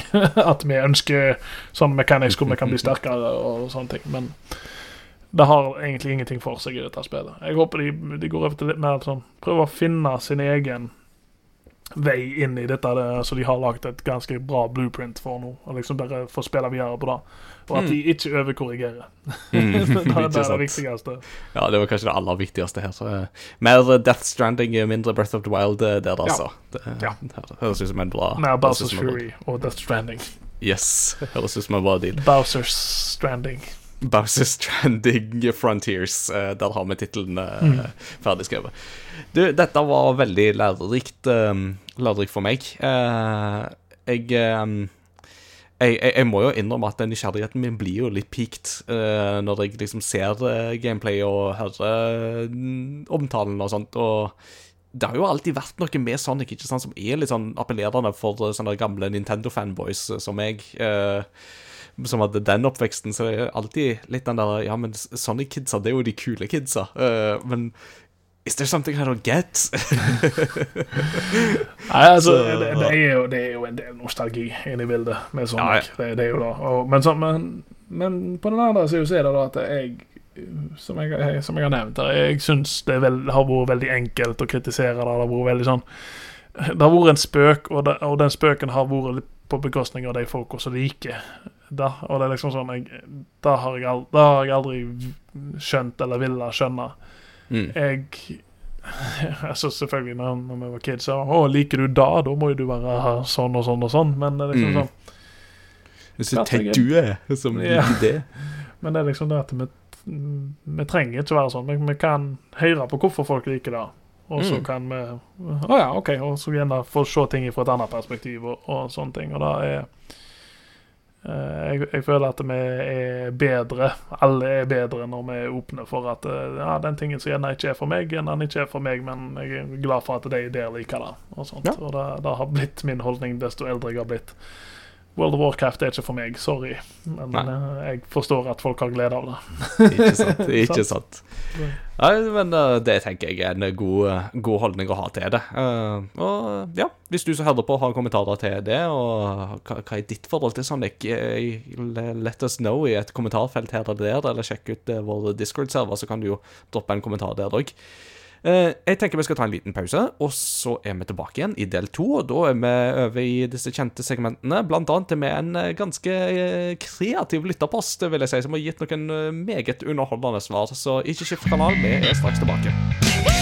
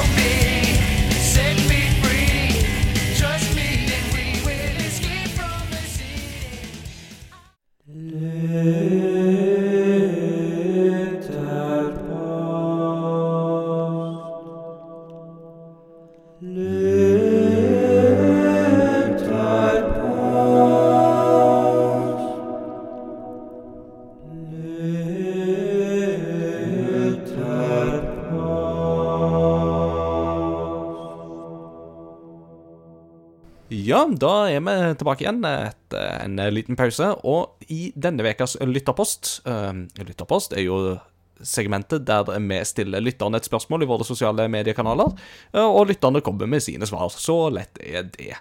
Eh, og hvis du vil være med på det, eh, være med på den gode leken, så kan du finne oss på crossovergaming.no, og der finner du lenker til vår Facebook-side og til vår Discord-server. Det er de som er mest aktive, så det er der jeg ville begynt. Instagrammen er ikke så aktiv, men eh, vi prøver så godt vi kan.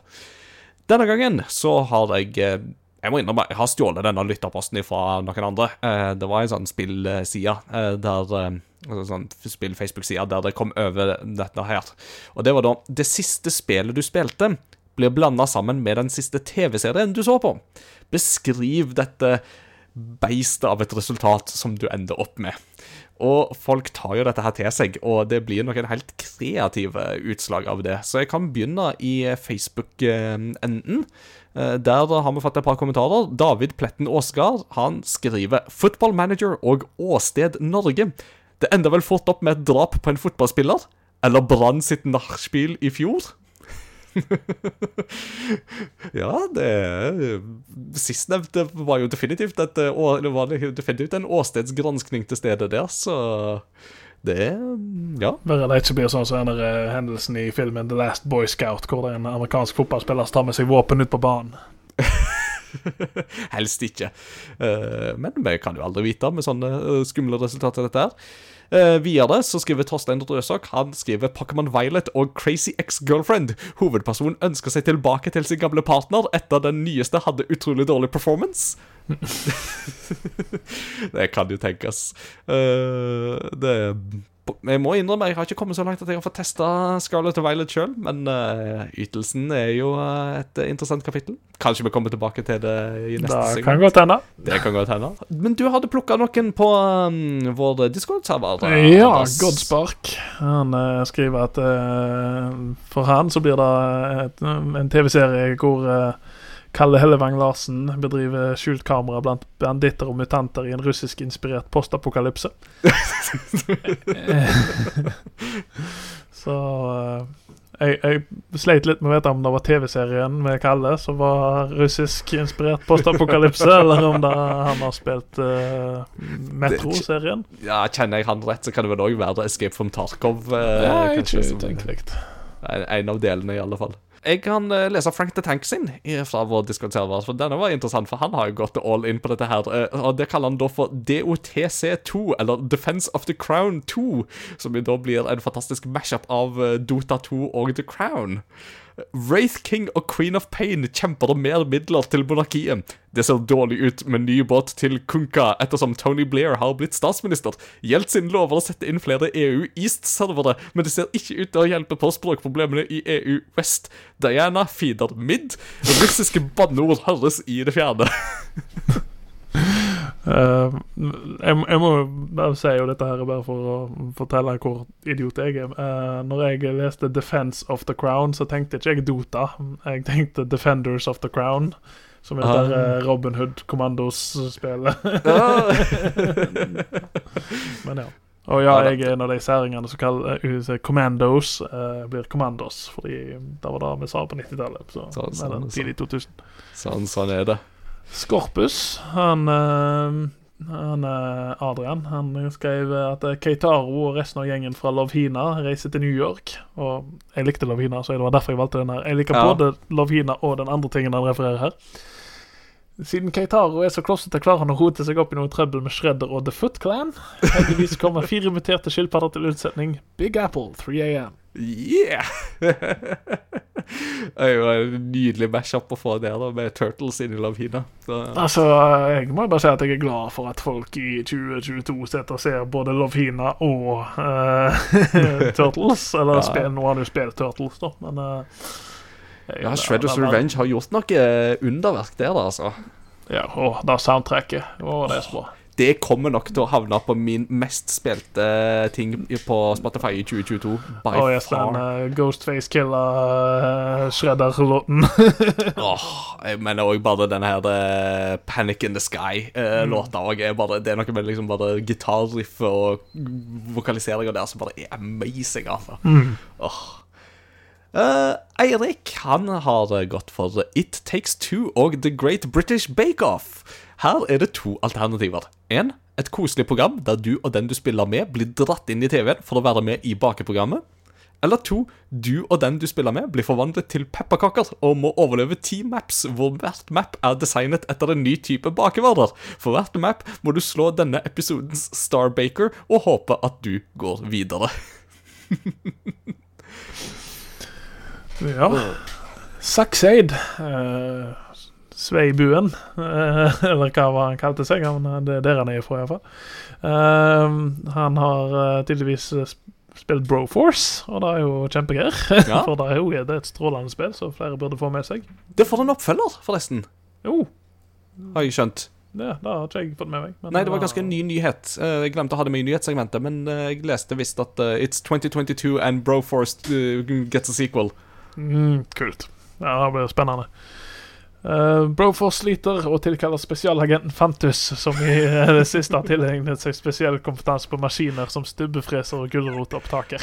Eh, Det er jo treffende, da. For Ja, ja. eh, jeg regner med han har unger, han òg, siden han har sittet på på Fantorangen. Eh, Det, er vel Fantus og maskinene som ligger til grunn her, eh, vil jeg jo kanskje, kanskje tippe. Men eh, det er jo bra, da, for da blir jo Broforce rendra i Unreal Engine. Så, ja.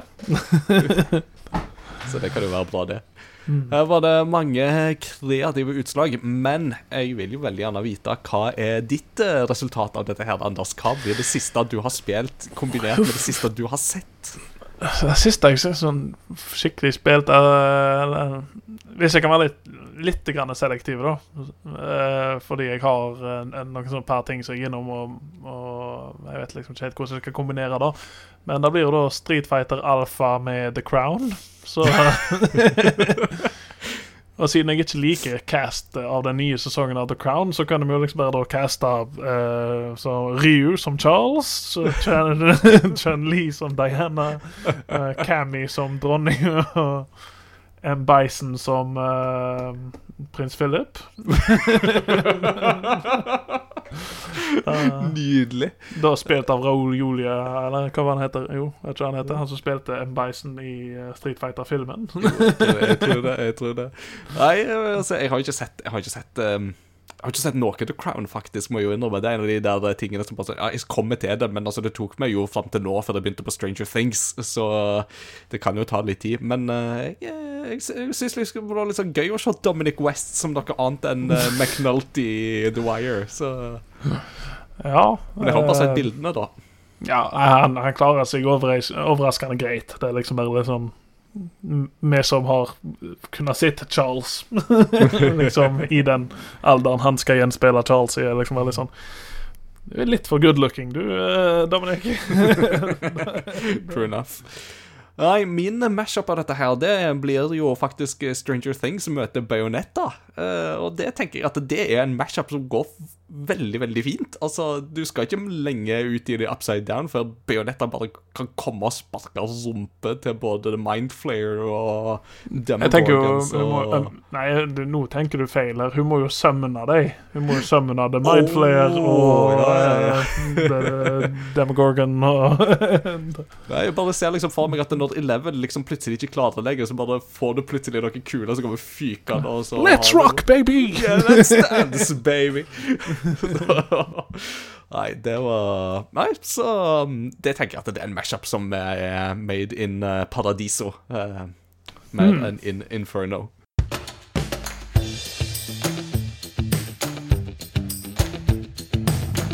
What you been playing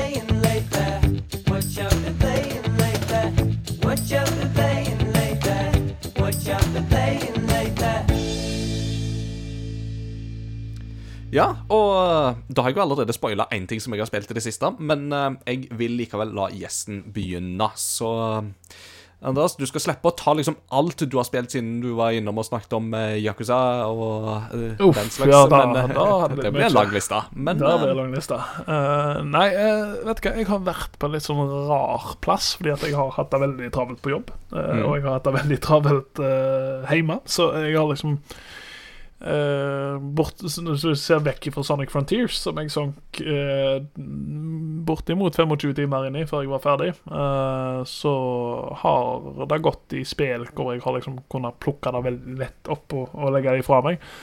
Og jeg hadde ikke trodd det. Hvis du hadde spurt meg i begynnelsen av året Kommer en av spillene du kommer til å spille mest i oktober, november Eller nei, det blir- vel bedre i november, hovedsakelig. Være uh, Call of Duty Modern Warfare 2, så hadde jeg vel sagt nei. men men uh, Jeg har jo hatt en artikkel på spill.no hvor jeg eh, klager min nød over at jeg føler at alle skytespill uh, jager etter eh, Battle Royale-formelen. Mm. Og Call of Duty er jo ikke Call of Duty har jo en av de største Battle Royalene nå, som er Warzone. Men Mm. Nå, og nå har ikke jeg spilt singleplayer, men jeg har nesten utelukkende spilt uh, multiplayer. Uh, Call of Duty Modern Warfare 2. Og eh, ikke for et spill, altså. Ja. De har for alvor gitt et spill som leverer på alle fronter. Uh, nå har jeg som sagt ikke spilt singleplayer-delen, men der jeg har sett av den, ser knallbra ut til å være liksom en sånn one and done singleplayer uh, så du spiller gjennom, sånn som de fleste Call of Duty har vært. Men det ser ut til å være en av, en av de gode Call of Duty-singleplayerne. Mm.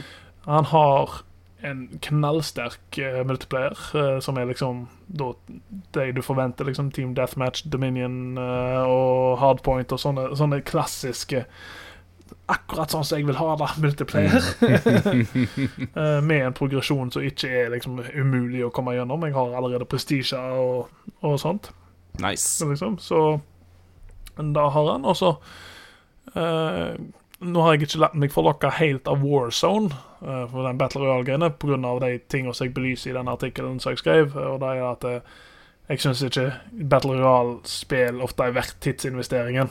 Jeg, jeg, Mm. får, jeg får for lite igjen hvis jeg dør 20 minutter eller 10-15 minutter ut i en kamp og jeg ikke har uh, hatt det gøy fram til da. Eh, men jeg har spilt uh, De har lansert en ny modus som heter eh, DMZ, som er satt på Warzone-kartet, hvor du spiller i grupper av tre.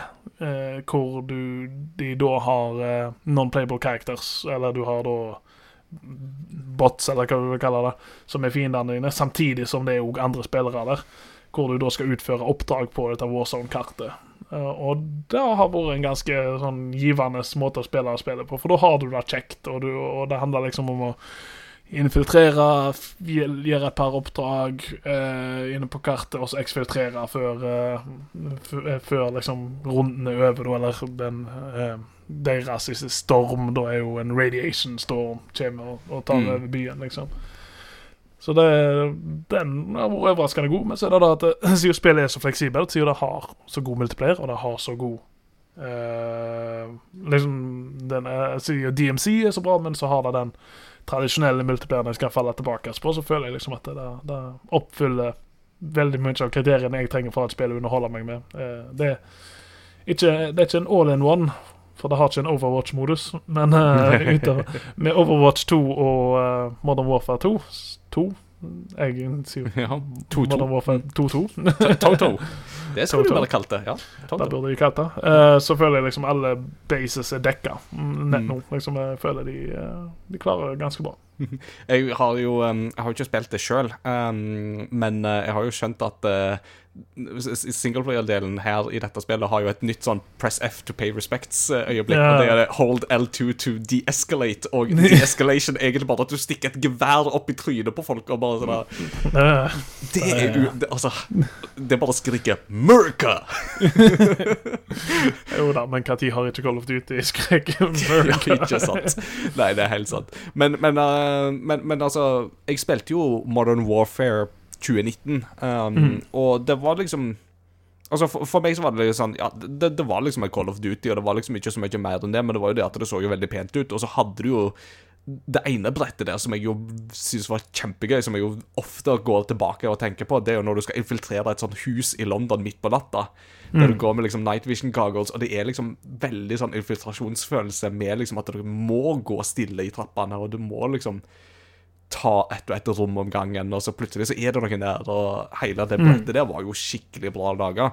Så hvis dette er et spill som som en direkte oppfølger til 2019-spillet kan levere mer på det i singleplayer-historien, i tillegg til at eh, det òg ser jo kjempebra ut, så mm, nå er det jo nesten sånn at jeg har lyst til å prøve det på et tidspunkt. Men eh, det blir jo ikke det jeg prioriterer nå i innspurten av året, dessverre. Det blir det nok ikke. Nei, eh, det hadde jo ikke vært det heller. Hadde ikke det vært at jeg hadde folk på jobb som Vi, vi har jo gaming-PC-er på jobb og sånne ting, så vi kan sitte på på kveldstid. Så var det liksom sånn at vi tre ble alle enige om at vi skulle kjøpe Call of Duty og spille det på kveldstid. Og så Nice. endte jeg opp med å like det så godt som jeg gjorde, for det var liksom det, det passet perfekt med at jeg uh, hadde skrevet en artikkel om litt sånn Battle Royale-tretthet. Ja. Og den sier Warzone ble jo ikke implementert før senere heller. Så jeg, og jeg, jeg var litt redd for at eh, den eh, tradisjonelle multiplayeren skulle dø ut med en gang Warzone kom. Heldigvis er ikke det tilfellet. Det virker som folk Og det har jo solgt utrolig bra, selvfølgelig, så det, det, men det virker som folk spiller alle modusene og, og holder liv i det. Enn så lenge, iallfall. Så Mm. jeg da håper bare det fortsetter, for det gir meg en veldig De rundene er ikke lange, og jeg kan bare sette meg ned og spille dem. Bang, Det- ferdig. Det ble så godt for meg. Ja. Hadde du Skal vi gå back and forth på spillet? nei, nei, nei, please uh, carry on. Uh, bare for å nevne bare sånn kjapt. Jeg har ikke fått spilt så veldig mye av det. Et spill jeg har sett fram til veldig mye av, vært Warhammer 40K Darktide. Uh, Ja. jeg har Jeg kjøpte det fordi jeg så noen kompiser av meg spilte det. Jeg har ennå ikke fått satt meg ned med deg og spilt det, så jeg har bare spilt det med randoms på internett. Og dette er jo da eh, det samme som Vermintide, som igjen er enkelt forklart for deg, eh, for et referansepunkt de sikkert de fleste har, så er det jo uh, da Left 4 Dead bare i Warhammer. Mm. Og i Vermintide så var det jo da satt i uh, det vanlige Warhammer, uh, liksom fantasy, medieval fantasy-verden. mens dette her da er satt i den der Far Future eh, 40K-greiene. Og eh, ja, jeg, det, jeg kan ikke si for mye om det, for jeg har ikke fått spilt så veldig mye, men jeg jeg hadde trodd det, jeg, har et, eh, jeg har en ganske god game i PC, og da spillet kjører rimelig dårlig på den. det er det er noe performance-greier her. Det er når Nvidia heller ikke har liksom presets klar til det ennå. Og det er liksom det, det er veldig røft i the early goings. Og jeg føler at en, jeg hadde trodd, basert på hvordan Vermintide var, at det skulle være mer variasjon på klassene. Og jeg syns spillet er litt sånn utydelig i Mm. forhold til hva som skiller de forskjellige klassene og, og sånt. Og det har nok sikkert med oppbygging av spillet at det skal være progresjon og sånne ting. At du skal liksom levele opp karakteren din for å bli bedre på de tingene, så gjøre den karakteren unik til seg. Eh, men jeg syns Eller jeg foreløpig så syns jeg ikke det har klaffa helt. Men uh, jeg, jeg må gi det mer tid, så det er altfor tidlig å avse en dom på det. Og, og så er det at det mangler en story mode, på en måte. Det, egentlig, det føles ut som disse oppdragene er veldig separate. Jeg Mm. skulle ønske det hadde litt mer sånn, sånn story mode, sånn som Space Marine. Hvor enn 40K Space Marine har, for det spillet er strålende. Det er jo synd, da, for det, det har jo Jeg har jo ingen forhold til Warhammer, annet at jeg liksom Jeg vet at det eksisterer, jeg vet at det er det skillet mellom Warhammer og 40K og det greiene der. Uh, men jeg har jo sett liksom disse promotrailerne og sånt for eh, Dark Tide, og jeg har jo syntes at det virker jo faktisk litt kult, så det er jo synd hvis det faller igjennom. Men uh, Ja, vi får jo se da, hvordan men det det, det, det, det det, konsoller og sånt. Jeg har jo Om ingenting annet så har jeg i hvert fall sagt om å være positiv til ting. Eh, Mm. og jeg, eh, jeg, jeg holder meg positiv til det ennå, men jeg får litt samme følelsen av jeg gjorde, som jeg gjorde med det der Back for Blood. Mm. Uh, så var det nær Left for Dead-spillet Jeg vet ikke om Var det tidligere i år, eller var det i det fjor? var i fjor eller forfjor, Ja, faktisk. Men det i føltes iallfall ut som et spill som bare kom og gikk. Og uh, Mm. Foreløpig så kan Warhammer 40K Darktide gå den veien. Eh, jeg håper ikke det gjør det. Jeg håper at jeg, jeg ender opp med å like det bedre enn jeg førsteinntrykket var, iallfall. Men Mm. eh, vi får se. Eh, og så har jeg og hele familien nærmest, eller iallfall jeg og guttene mine, spilt Pokémon Scarlet og Violet. Ja. Og der hadde vi jo bestilt det. Eh, Jeg skal ikke nevne hvem vi bestilte det ifra, men eh, de klarte iallfall ikke å levere det på uh, releasedagen. Så jeg gikk opp på butikken og kjøpte det, og så meldte jeg retur på den pakken. Sånn kan det gå. så- For eh, jeg kunne ikke skuffe ungene med Nei. når de, de har ikke snakket om noe annet enn Pokémon Scarlet og Violet ganske lenge. Så eh, Nei, og det er jo som du nevnte tidligere, det, og jeg nevnte tidligere òg, er jo et spill som har fått litt sånn Ikke blanda Jo, blanda mottakelse er vel en av de rette ordene å bruke, da. Eh, Men det har fått kritikk, for, Mm. og, og kritikk som er på sin plass, for hvordan spillet kjører. Jeg har sett sønnen min spille det på eh, den standard switchen i dokken på TV-en. Mm. Og det ser ut som den verste måten å spille det spillet på. Jeg sjøl har spilt det håndholdt uh, på min Switch Lite, og da det jeg kan si, ja det bærer jo preg av å være et spill som absolutt kunne trengt kraftigere maskinvare. Mm. uh, og, og da, da tror jeg faktisk Eller sånn Designmessig òg. Nå er ikke jeg eh, spillutvikler eller, og ikke på den tekniske sida, men det virker som, og jeg har sett eh, teorier om, selvfølgelig Folk snakker jo ikke om noe annet enn Switch Pro og neste Switch og, og sånne ting, nå når det er flere spill som har kommet ut i senere tid, som har slitt eh, teknisk. Mm. Men for meg så bærer det preg av å være et spill som på en måte ikke har eh, begrensninger på eh, innstillingene. Det, det, det er ikke For jeg tror hvis du bare putter mer maskinvare bak det spillet, så kan det kjøre knallbra. Og jeg, jeg, jeg har sett folk prøve det gjennom mm, forskjellige måter de har å prøve det på. Overklokking og, og forskjellig sånn. Mm. Uh, og ja, altså det, det kan si de tekniske tingene er jo at det, det er vel nede i sånn alltid fra 12 til 15 FPS på enkelte ting. Uh, spillet har sin sånn eh, åh, ehm, level of detail i forhold til hvor langt du ser det. Ja, og draw distance. Ja, ikke bare draw distance, men òg at eh, Og dette er en teknikk som veldig mange spill bruker, da, men det er ikke alltid det er like synlig som det er her. Nei. Er at eh, ting som er langt vekke, har mye mindre frames of animasjon Mm. enn ting som er nærme. Og dette var jo en ting som eh, Jeg vet ikke om du spilte Hyrule Warriors på 3DS? Uh, jo, det har jeg spilt. Ja. Da gjorde jo litt narr av denne måten å gjøre det på, fordi at hvis du fikk fiendene på avstand, så ble de bare om til sprites. Så bounsa fram og tilbake, så litt sånn Litt sånn komisk. Uh, og da er litt sånn preget her òg. Med en gang du ser Hvis du går gjennom en av gatene, liksom, og, og de, de har ikke prøvd å skjule det heller, liksom, fordi at de det er ikke sånn at du går i en gate så er det lite folk der. Til å være et Pokémon-spill så er det ganske befolka, Mm. spesielt i de store byene. Men ja, OK, jeg sier de to karakterene som går rett ved siden av din karakter, eh, animerer på rundt samme framerate som main-karakteren din. Og så går du ett steg videre ut, så går de på halvparten av den animasjonen. Eh, liksom eh, At det, de har Som du, du har klept ut annenhver frame i, eh, i animasjonsbildet deres, så det ser veldig mye mer sånn stakkato ut i Oh. animasjonen. Det flyter ikke like dynamisk. Men alt da til tross så legger det ikke en demper på at det, dette er kanskje det mest spennende Pokémon-spillet som har kommet ut siden uh, Altså, skulle til å si siden Arceus, så det, det, det er ikke lenger. Men, det Nei, er det altså- forrige Pokémon-spillet som kom ut. ja. Nei, uh, det mest spennende Pokémon-spillet jeg har spilt siden liksom gode gamle dager av Pokémon, egentlig, eh, er fordi liksom Arcus så prøvde de på en, De prøvde på litt open world, og, og Sword and Shield så prøvde de på litt sin type open world med wild areas og sånt. Og dette er liksom første gang du, du starter et spill. Og Apropos ape etter Breath of the Wild, men, men, men det er den der muligheten til å bare gå ut og så bare sånn ah, 'Jeg går i denne retningen, jeg', og så prøver jeg å finne ut hva som er der. Mm. Og, og da Det er flere måter du kan gjøre det på, og veldig mange spill er begrensende i form av at Nei, nå gikk du for langt. Her er det altfor høye level mobs og sånne ting, og, og de styrer deg liksom inn i en, en rekkefølge av å gjøre ting i basert på hva level-karakteren du er, og hvor, mye, hvor vanskelig du vil ha det. For eksempel Breath of the Wild kan du gå og slåss med Ganon med en gang hvis du vil. Mm. Uh, uh, Pokémon gjør det ikke helt på den samme måten der. De skalerer det litt mer til deg. Så det blir egentlig litt mer sånn som Oblivion og Skyrim gjør det. At uh, de gymmene du går til, og de ting, de, de, de har ikke et st- streng level-hierarki de går etter. Det er litt mer tilpassa deg, uh, uten at jeg har stirra for mye på hvordan akkurat det der fungerer, men sånn som jeg, jeg har opplevd det gjennom å se sønnen min spille det, og jeg opplevde det sjøl, så er det sånn at det, det er et veldig lett spill.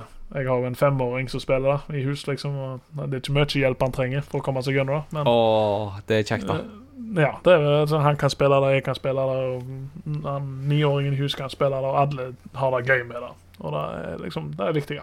Men det viktigste spørsmålet har du jo ikke svart på. Sprigatito, Coco eller Quaxley?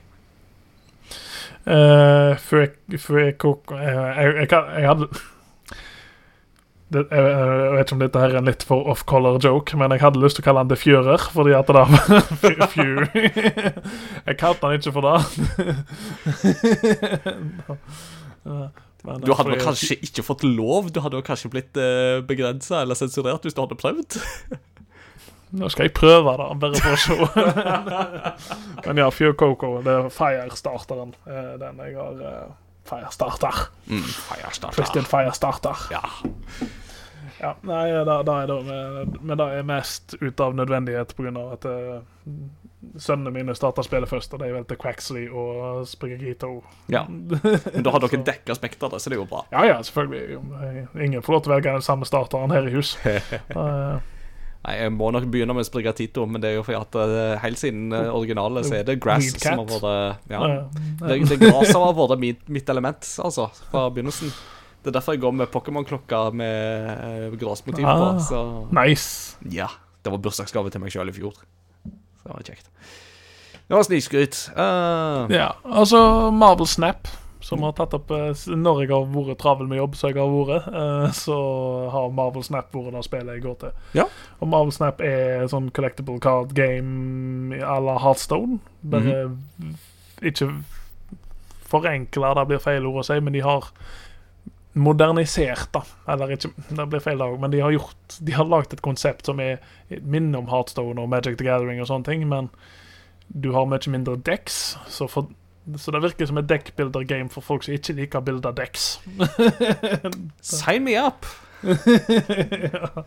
Fordi du har tolv kort du kan bruke, og eh, situasjonen i spillet forandrer seg veldig fort. Liksom, altså Fra game til game. Det er liksom ikke en level playing field. Eller det er en level playing field i form av at det er, forandrer seg, så du vet liksom ikke hva du går til når du Så det der med å jage metaen og liksom lage et metabasert kort, eh, kortstokk blir veldig eh, det, det, det handler mer om hvor mye du kan tenke på føttene dine, enn eh, enn å ha liksom ah, 'Jeg har bygd dette dekket, og det er ingen som slår det'. liksom. Mm.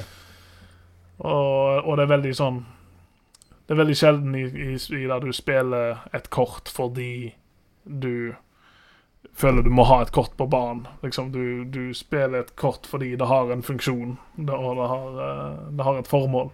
Mm. Så det er et spill eh, som folk bør sjekke ut. Og så er det ikke sånn voldsomt råttent med mikrotransaksjoner eller sånne ting heller. Det er, det er et free to play-spill som føles free to play. Nice. Jeg har jo skjønt at det er vel en av disse hovedhjernene bak Heartstone som har eh, stått bak dette her òg. Ja, ikke, ikke spør meg hva han heter, men ja, det er en, av uh, hovedhjernene bak Heartstone som har lagd det. Mm. Og en av grunnene til at jeg faktisk plukka det opp, var ikke fordi andre folk spilte det, men det var fordi at jeg så en post av han på Twitter hvor han skre, liksom fridde til folk og så, på, via Twitter og sa hei. Vi tror vi har lagt et veldig kult kortspill her.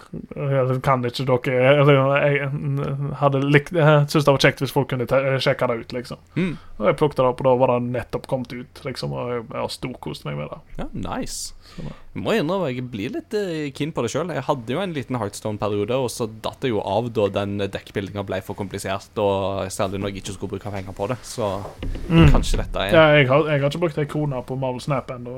Jeg har eh, storkost meg hele veien. Så sweet.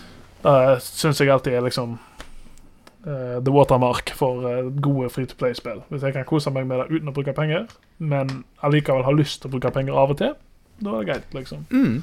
Ikke sant? Uh, Yeah.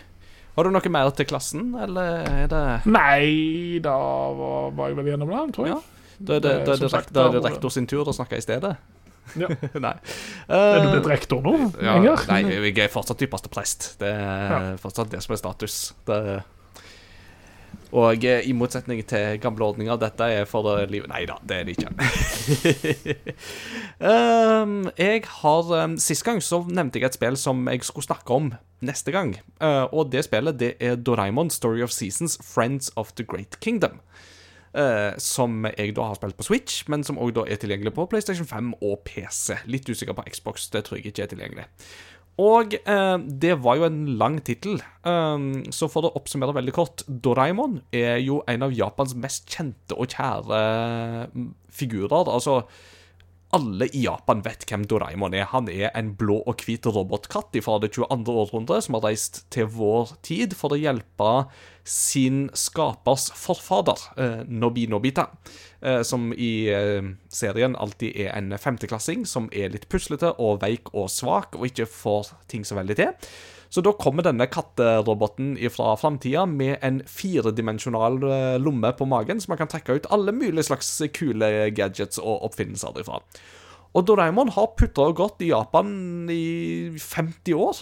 Og alle vet liksom hvem Doraemon er, og det er en sånn veldig sånn lun og koselig serie som er litt sånn at det, alle historiene står ganske sånn frittstående, så det er ikke på en måte en overordna kanon her som du må forholde deg til. Og eh, på den andre sida så har du da Story of Seasons, som da er eh, det som heter Harvest Moon, eh, og som nå da har fått et nytt navn. Eh, for det som nå heter Harvest Moon, det er egentlig en helt annen serie.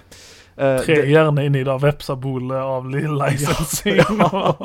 For det der, det er kaos, men det er jo veldig morsomt, for at til neste år så kommer jo da Story of Seasons A Wonderful Life, som da er en remake av eh, Harvest Moon A Wonderful Life, som var det første spillet jeg spilte i serien på GameCube.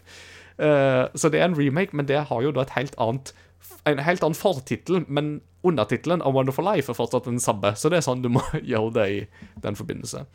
Og Harvest Moon er jo da, for de som ikke vet det, det er liksom eh, farming simulators med liksom veldig koselig faktor. Eh, så det er jo Stardew Valley var jo veldig inspirert av det originale Harvest Moon i sin tid.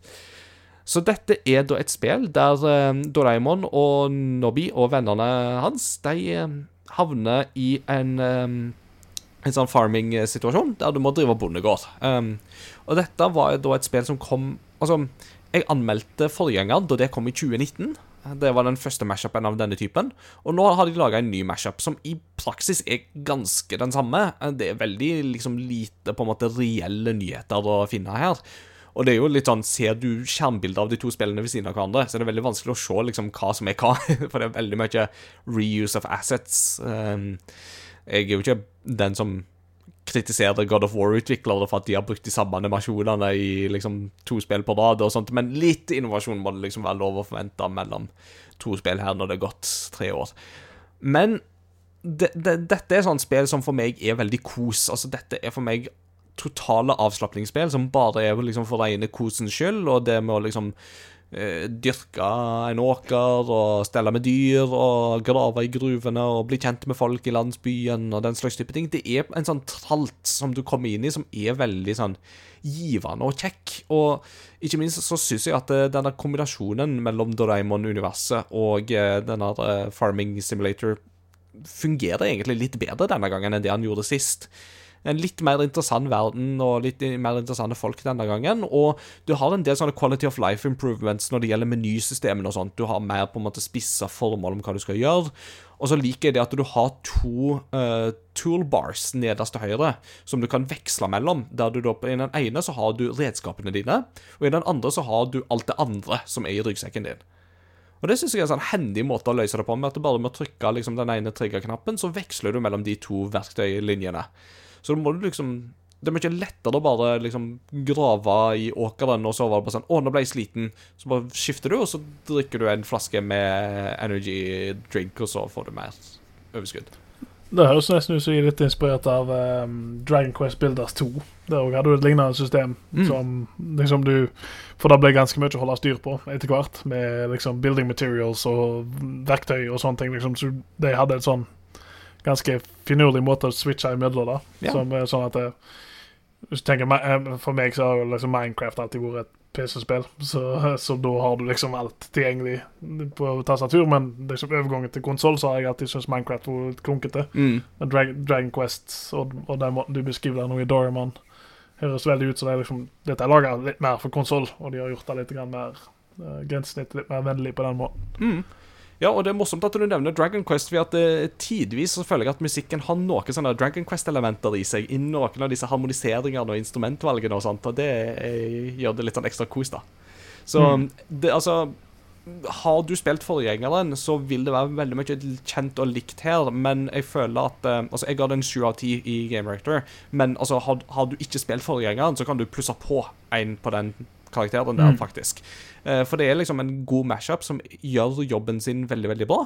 Og altså jeg holdt på å glemme å gå av T-banen når jeg skulle på jobb, eh, at jeg satt med switchen og spilte dette her. Da så var det bare sånn Å nei, nå skal jeg av. Eh, Så da Du blir veldig oppslukt, altså. Litt sånn Ja, så kan, kan absolutt anbefales. Og så, i retrospillauget, så har vi nå begynt å spille en gammel, interessant perle, for vi har begynt å spille Earthbound.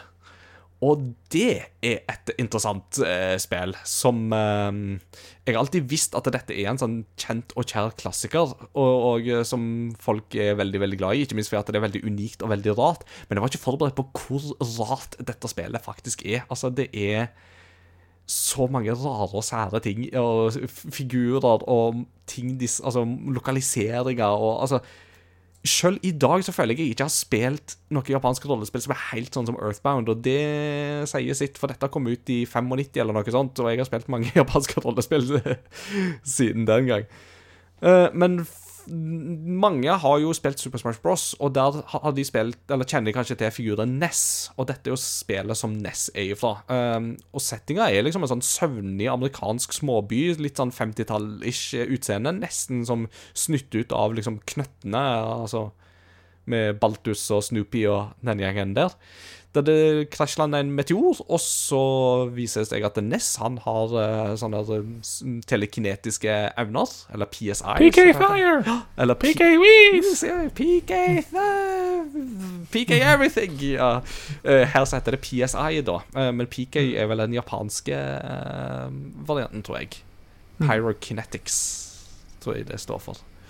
Um, så, men i alle fall, uh, du må ut på oppdrag for å redde verden, for du får beskjed fra en som kommer fra framtida, om at uh, om ti år så er det en ond alien, eller en ond vesen, som heter Gygax. Uh, eller ikke Gygax, men Jeg- Geiga. Geiga, det er det, ja. Takk. Ja.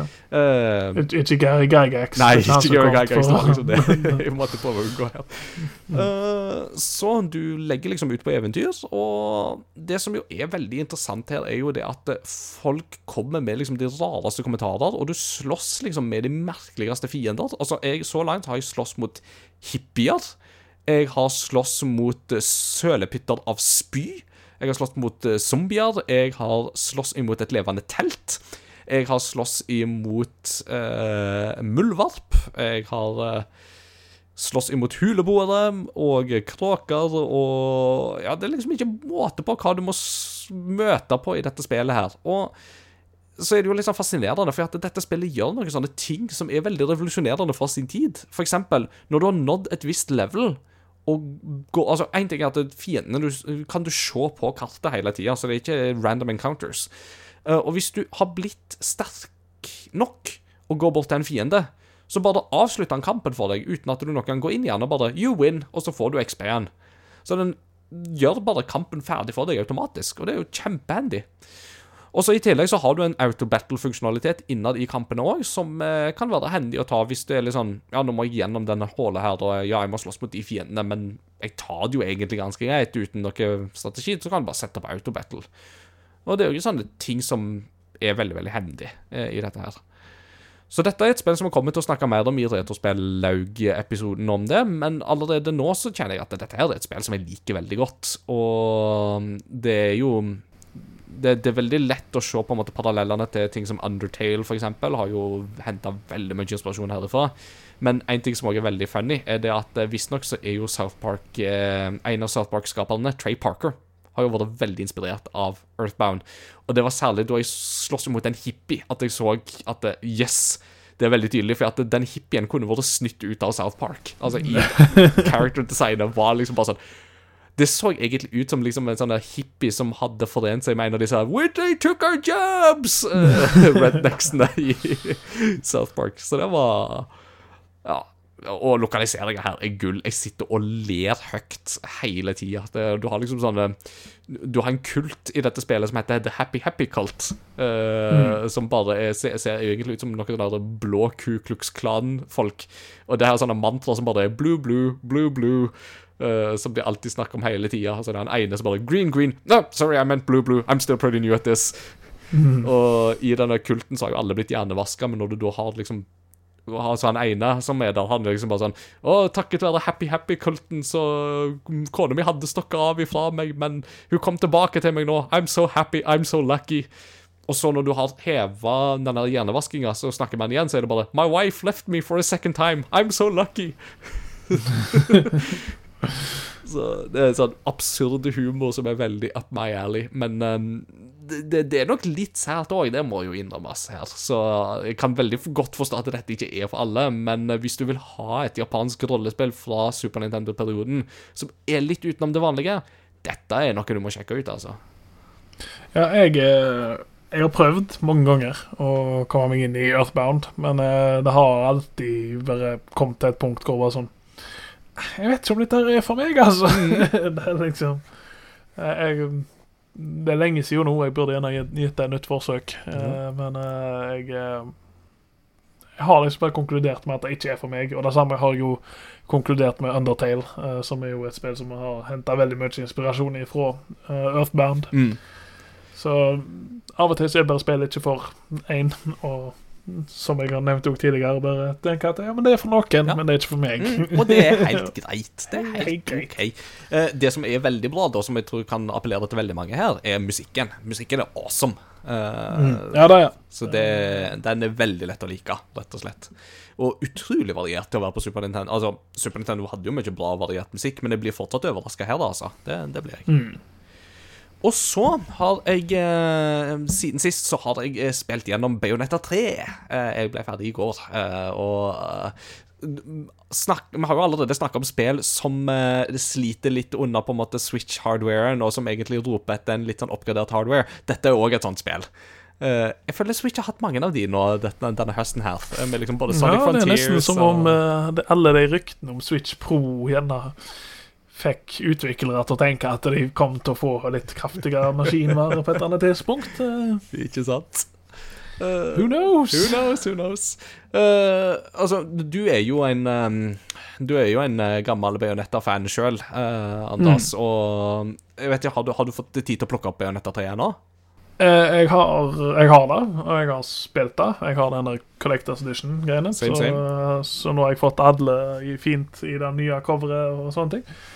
Um, hva skal jeg si? Jeg liker det. Jeg har ikke fått spilt Jeg har ikke fått lagt så mye tid pga. Sonic Frontiers kom litt i veien. Mm. Uh, men uh, jeg liker veldig godt liksom, hva de gjør, og jeg liker veldig godt å spille som Bayonetta i spillet. Og jeg liker litt den derre Litt sånn halvveis tilnærmingen til en åpen verden som de har. Mm. Sammenlignet med hvordan de andre spillene var veldig lineære uh, i nivådesign. Uh, men jeg har liksom ikke helt forelska meg i uh, dette her uh, um, kaiju-kamp-gameplayet. og spesielt ikke i nivåene hvor du Altså, de er kule på samme måte som alt er kult i Bayonetta. Mm. Men liksom, Fremtoninga er kul, men da å spille med dem og bruke dem Og det er liksom litt av det samme problemet jeg hadde med en tredjedel av Devil May Cry 5. Ja. eh, er det at jeg likte ikke å spille som vi, fordi at jeg var, følte meg så fjerna fra kampen. Oh. Og jeg følte at det ble litt for mye å holde fokus på, liksom. Mens, eh, og, det, og det er litt, litt av greia. Og så eh, Jeg har liksom ikke helt diala inn og spille med, som Violet ennå. Viola. Så Ja, Viola, var det. Jeg må gi, jeg må gi det litt mer tid. Ja. Uh, så Mm. Men, uh, dag, dagens spill har vært kjekt. Ja. Nei, men altså, egentlig så har du oppsummert uh, veldig mye av det jeg sjøl har tenkt. Altså, dette er et spill der jeg Det som er gøy her, er jo det at du har tre rollefigurer du veksler litt mellom å spille som, og jeg liker veldig godt to av tre av de. Mm. Altså eh, Viola er den jeg sliter mest med, uh, faktisk. For at det blir så annerledes å spille som hun etter at jeg har spilt som Bayonetta, at uh, jeg sliter litt med det. Men eh, krem eller kremen her er jo å spille Jean-kapitlene. For de har jo Da skifter hun helt spillestil, og det er så kult, det greiene som de gjør der med både gameplay og ikke minst musikk og liksom Det er noe sånn skikkelig sånn Metal Gear Solid-vibes over dette her. Som bare Jeg, jeg digger noe kolossalt, altså. Det er veldig Jeg vet ikke om du har spilt et spill som heter Stealth Inc. Nei. Eller, um, eller hva heter det ninjaspillet til Clay Entertainment? Uh, Mark of the Ninja? Mark of the Ninja. Ja. Ja. minner, meg, minner meg litt om, om den typen. Mm. Men det er stilistiske sånn changes og sånne ting. Og, det, og, og for å si det sånn, de var jo i en litt sånn eh, situasjon, Platinum. Med tanke på at liksom, Bayonetta 1 og 2 er jo en komplett historie. Mm. Det, er jo egentlig en, det er jo egentlig en time loop, liksom. og, og der har du jo en fin avslutning på, så det er litt sånn hva skal vi gjøre nå? Ja. Eh, men eh, jeg liker det jeg har spilt av det, som sagt. Eh, jeg må bare gi det litt grann tid. Det, det klaffer ikke like godt som Bayonetta 2 gjorde Nei. med meg, for det, det klaffer umiddelbart. Og OK, dette er mer Bayonetta, Mm. skrudd opp til 11, Ja. og jeg, jeg er med. og, og, og det er akkurat det samme jeg egentlig tenker. Er liksom litt at det, Etter Bayonetta 2 så er dette Det sliter litt med å nå helt opp, og og det skyldes et par ting. Altså Én ting er jo det tekniske her. Eh, dette er jo et spill som Altså du har på en måte alle de der problemene Altså, det er ikke konstante problemer i dette spillet, men enten det er liksom snakk om mm, liksom vekslende oppløsning, eller det er frametime, eller er frames per second, eller eh, det er kamera som krangler med deg, eller hva det nå er. Altså, det er alltid noen sånne ting som er oppe og går, og som eh, og det er faktisk noe med på en måte detaljnivået her òg, som jeg føler at det, til tider så synes jeg det ser veldig godt ut, altså. Og sliter liksom litt, særlig etter Bayonetta 2, som var veldig fargerikt og veldig levende på det området der, som jeg syns at de virkelig klarte å naile det på. Men én ting som jeg òg faktisk reagerer litt på, og det er jo kanskje litt interessant eh, for, denne podkasten her, men jeg syns jo at de har tona litt for mye ned sadomasochismen til Bajonetta. Altså, Ja. hun, hun, hun er jo fortsatt på en måte seg sjøl, men jeg syns på en måte de har tona litt ned den der eh, overseksualiseringa som de jo har hatt med henne tidligere, men som jo Bayonetta-spillene så til de grader har klart å spille til sin fordel. Eh, Den føler jeg de har tona litt ned her, og det tjener ikke helt til spillet sin fordel, for at jeg vil ha den der Jeg vil ha den galskapen, rett og slett. For at det, det, that's what I come to expect, på en måte. Ja, og det Altså det, det, Vi høres vel gjerne litt ut som vi er litt sånn stuck in our ways. Eh, liksom, ja, Vi vil ha det sånn som det var. Ja, this is the way. Og det er litt, litt sånn designet til Bajonetta, og litt av plottet, liksom. Litt sånn eh, Mm. uten, å gå for, uten å spoile for mye, men så, eh, så er Du vil jo se flere sider av Bajonetta, kan man gjerne si, Mm. og, og hvor jeg syns det er et, et stilig konsept, men det er liksom sånn Det føles liksom ikke helt rett ut i forhold til sånt som jeg skulle, jeg, Hvis jeg skulle likt Hvis jeg bare kunne se, sagt liksom, Ok, dette er retningen jeg skulle ønske spillet hadde, sin historie hadde tatt, uh, uten å ha spilt noe av det, som jeg skulle ønske liksom, etter, etter hva som skjer i Bayonetta 1 og 2, så er det liksom gravd mer inn i den her mytologien til det universet, Mm. med liksom The Umbra Witches og The Lumen Sages og sånne ting. liksom At det, du kan du kan tegne opp neste generasjon av den konflikten, eller liksom eh, sånne ting ut ifra det som skjedde i Bayonetta 1 og 2. Mm.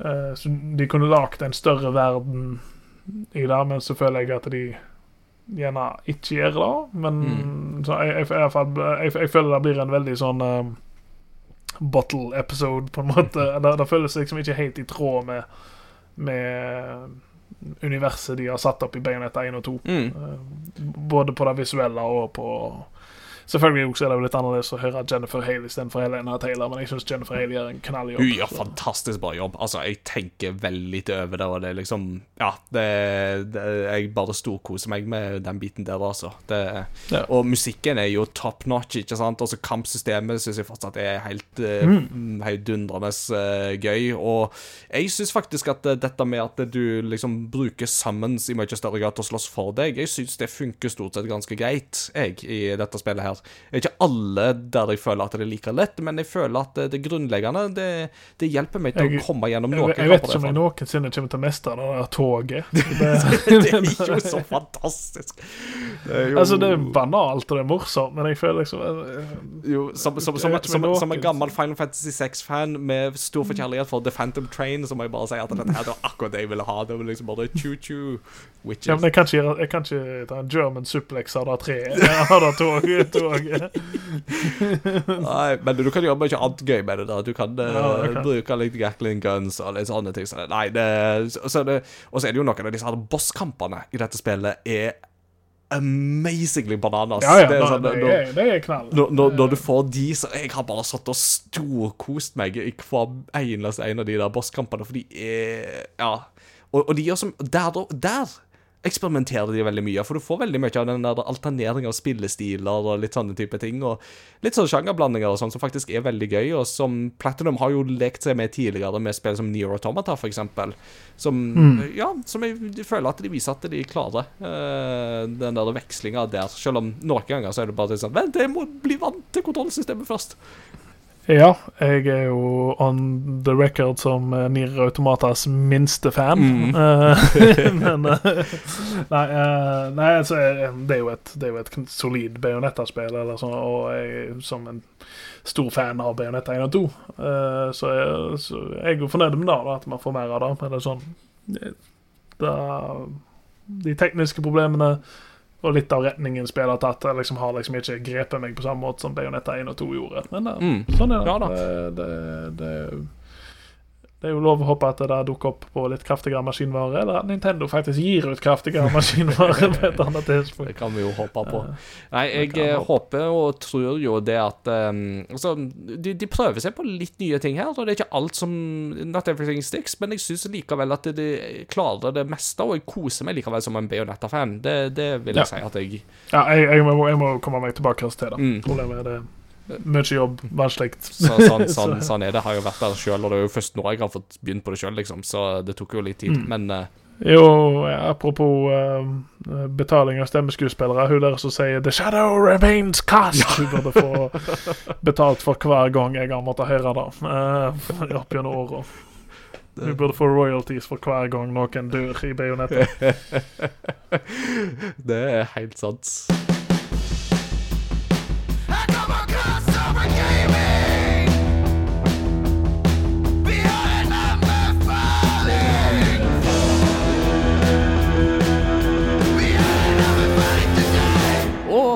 Da er det tid for dagens anbefaling. Og eh, Anders, denne har du valgt å ta, så take it away.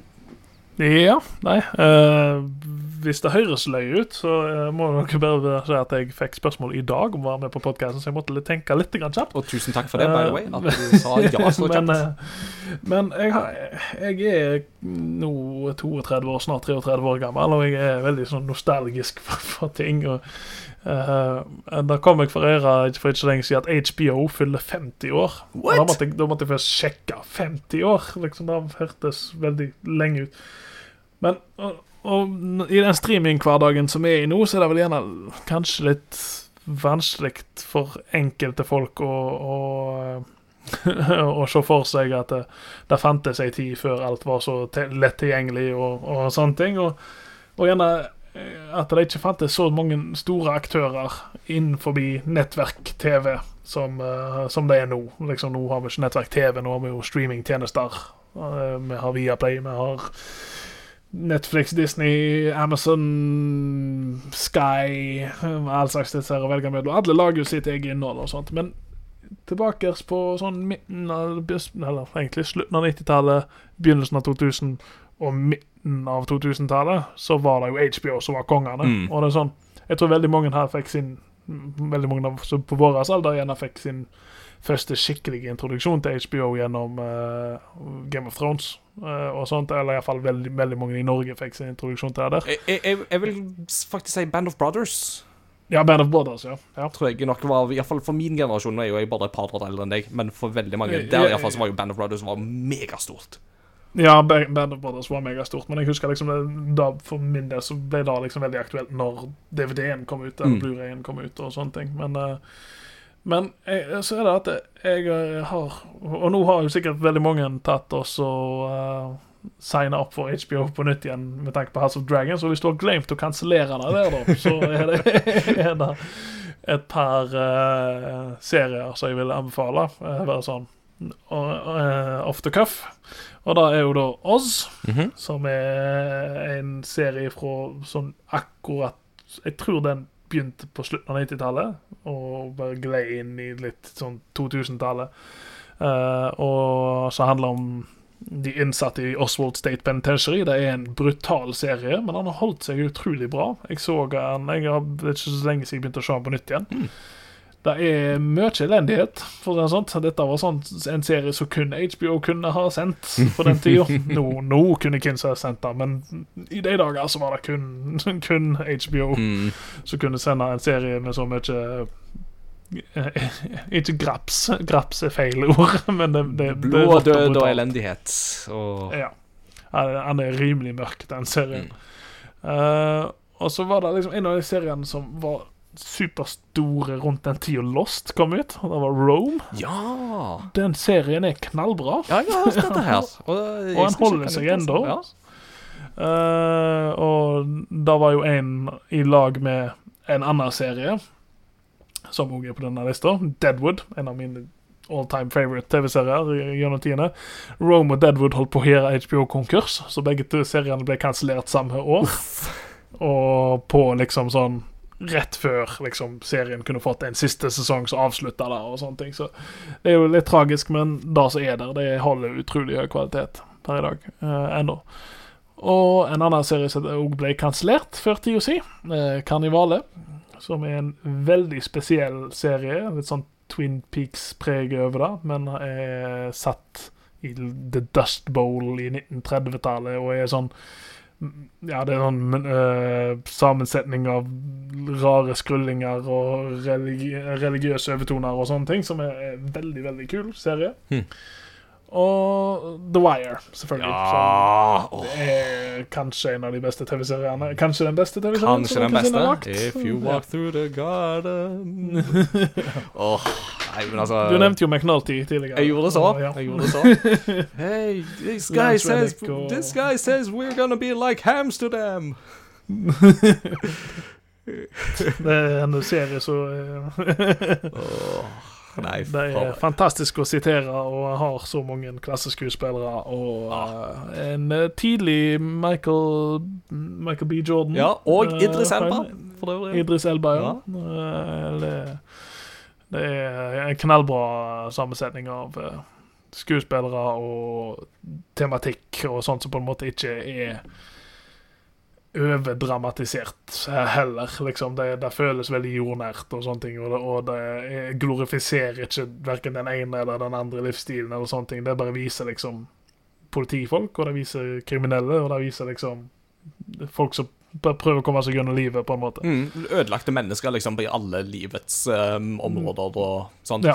Og, og det som jeg jo alltid har syntes er så fascinerende med The Wire, er jo dette her med hvordan hver sesong tar jo for seg en ulik del av på en måte Altså en, en ulik problemstilling, ikke sant? Altså Nummer én Mm. så er det jo denne narkotikatrafikken. I eh, sesong to så er det trafficking som er hovedproblemstillinga. I Mm. sesong fire eller fem så, Altså i sesong fire og fem så er det jo skole og presse som er liksom de store Mm. tingene der. ikke sant? Og jeg, jeg, jeg, det slår meg jo hvordan dette her fortsatt føles jo fryktelig aktuelt. Eller kanskje enda oh, ja, ja. mer, nesten til og med med tanke på på en måte den Du kan gjerne bare si at metodene deres Ja. Metodene deres igjen er litt utdatert, Ja. sammenlignet med at eh, liksom payphones og sånne ting i første sesong. eh, liksom at eh, men, men det er jo òg liksom måten, de, måten politiet i den serien da må navigere seg gjennom eh, et lovverk som på en måte ikke er lagt opp til at de kan gjøre jobben sin Mm. er jo òg en ting. Og det, det er da du får folk som er liksom havner på utsida av loven. Da ser vi liksom med vår egen Erik Jensen og, Mm. og sånne ting òg, liksom. Så at altså vi har eh, Hvor liksom et veldig rigid system som skal, skal en, en, liksom bidra til å gjøre eh, det, det er nesten som om det er forventa at det ikke skal fungere, liksom. Og spesielt i USA så er jo det der, eh, Det er jo et land som stemmer mot sin egen, egen interesse i alle bauger og kanter. Ikke sant? Nei. Nei, The Wire, eh, klasseserie som alle bør se. Og det er en av den minst eh, overraskende anbefalingen noen kan komme med, føler jeg. Det, du, dere har garantert hørt det fra andre folk enn meg at dere bør se den serien, men i lag med alle disse andre HBO-seriene. Ja. HBO eh, gjorde utrolig mye bra for eh, TV. Eh, der, der satte TV liksom i en egen klasse. Mm. Eh, Løfta det egentlig opp ifra å bare være sitcoms og, og sånne eh, procedural TV-serier. Mm. Liksom. At, at du kunne fortelle en en hel historie i, i en sesong, og, og få det til. Og respektere seeren den, på en måte. Mm. Sopranos òg, selvfølgelig. Ja. It's not TV, it's HBO. ja, men det var sant. For dette er en hebreke pachinko-kontroller til Super Nintendo. It's curiosity. What are you gonna show to me? It's curiosity. What a neat thing to know. It's curiosity. What are you gonna show to me? I haven't even heard of it. What a neat thing to know. It's a great the show. Ja, jeg snakket jo i dag litt om dette spillet Doraemon, eh, Story of Seasons, Friends of the Great Kingdom. Eh, og da passer det seg jo litt med en eh, liten spillkuriositet eh, knytta til Doraemon og eh, visual novel-serien Danganronpa. Eh, eller Dragarompa, som eh, jo en av mine gamle kollegaer eh, likte å kalle det.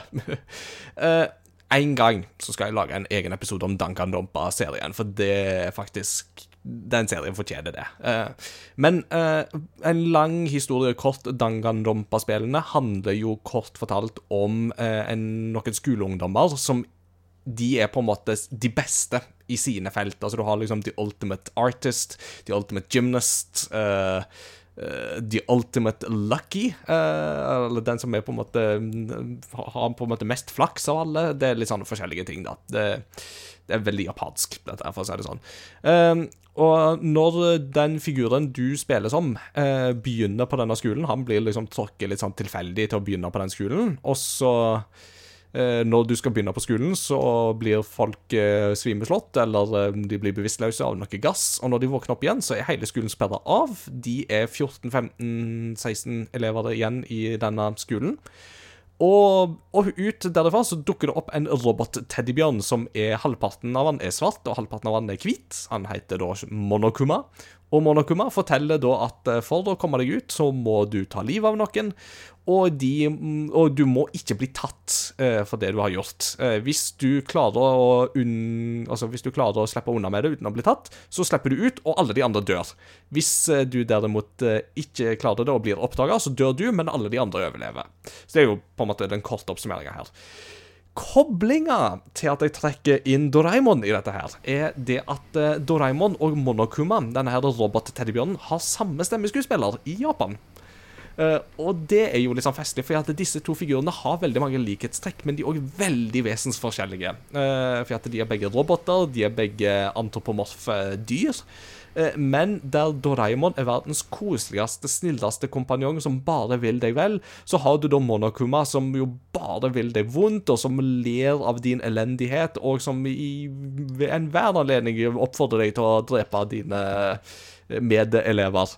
Eh, Og koblinga blir jo ikke mindre av at eh, Monokuma kan komme med sånne eh, replikker som 'See you next week, Mataraishu', som er sånn typisk ting som Doraemon sier i slutten av hver eneste episode. Så det er noe sånne Parallellen til liksom en av Japans mest ikoniske eh, roboter er veldig åpenbar i Danganronpa-serien. Ikke minst fordi de da hadde samme stemmeskuespiller. I alle fall fram til det nyeste spillet, Danganronpa V3, for da hadde de en ny for um, Hun var blitt for gammel og begynte å utvikle demens, og dermed tråkke seg tilbake fra stemmeskuespillerbransjen. Men da hadde hun vært Doraemon i en kvinnealder, altså, og stor respekt for det. Jeg trodde Jeg ble positivt overrasket over at det ikke var så mørk kobling som jeg først så for meg når du begynte å snakke om Monokuma og Doraemon. Men, eh, men eh, ja, nei, det er det er litt sånn overlapp i stemmeskuespillere i Japan òg, liksom. eh, På eh, Jeg vet ikke, han eh, sa stemmer til Solid Snake, eksempel. Han, Ja. eh, I den japanske han har jo dukka opp i masse forskjellig. Ja, Otsuka, Akio Otsuka er jo en av mine Ja. all time favorite voice actors, for han har liksom så mange kule roller. Mm. Men det er jo litt stilig at eh, Monokuma og Doraemon er såpass altså, eh, motsetninger. Mm. Uh, mens uh, allikevel voiced av samme stemmeskuespiller. Mm. Jeg tror det er veldig bevisst at de, det, det at de faktisk klarte å få henne til å være Monokuma, det var jo eh, nok et veldig bevisst valg, og jeg er veldig glad for at det ble gjennomført. Det er litt sånn som når de fikk Mark Hamill til å spille The Trickster, skurken i Flash-TV-serien. Ja, Og mm, det, du har The Trickster, og du har The Joker. Så ikke sant. Yeah. Folkens, vi er kommet til veis ende. Det, vi er bare to programledere i dag, men allikevel, vi har klart å skravle i to og en halv time. Det syns jeg er ganske godt gjort. Men uh, jeg syns det ble et veldig god samtale om både Sonic og spillkultur generelt, og uh, altså, det det, det må vi ha, altså. Det, du skal ha for innsatsen, Anders. Eh, Det var meg. Du skal ikke bare ha for innsatsen, det var veldig god. Så, ha for innsatsen, den er litt sånn der eh, De, de, de skal ha Real Madrid, de prøver. Ja, Det var klart ikke helt å erstatte de som vanligvis pleier å være her, men eh, du prøvde. Ja. Så det, Nei da, dette nei, jeg, det er helt supert å bli invitert, eh, og eh, digresjonene ble mange. Ja. Men uh, det er et godt tegn, tenker jeg. Ja, men det er det at eh, crossover gaming er liksom en plass hvor jeg får lov til å komme og eh, bare tale litt grann fritt fra hodet mitt. Og jeg føler at uh, communityet deres har veldig mye av de verdiene jeg setter høyt i uh, når det kommer til gaming og sånt. Det er jo derfor jeg eh, trives så godt i communityet. Og, Mm. og sånt, og det er alltid kjekt å spille Overwatch med dere. Og, og, og sånt, og når, følger med på når dere holder på med dette retrospillauget, selv om jeg ikke alltid kan delta. Men når dere holdt på med Jedi Outcast, eksempel, så var jo det litt spennende å følge med på. Ikke sant? Siden det er et spill som står meg såpass nært. Mm. Så det, nei, det, er er, Dere har eh, klart å skape dere et fint lite hjørne av internett eh, med den eh, gruppa og denne podkasten, så jeg eh, stiller igjen nei, når dere spør, for uh, her, dette er bare kjekt å bidra til. Eh, Kjekt. Og maken til god endorsement som vi fikk på slutten der, det er jo uh, Hvis du ikke får lyst til å joine discorden vår etter dette, så vet ikke jeg, altså. Er Crossovergaming.no er stedet. Men vi skal ha et postludium eh, til å avslutte med, sånn som vi jo alltid har. Og i dag så hadde jeg fått eh, gleden av å velge. Og nå i Oslo så har det jo begynt å snø litt, og vinteren er liksom på vei, og litt sånt, og da er det jo veldig fort gjort å begynne å tenke liksom vintertema, sånn spill musikkmessig.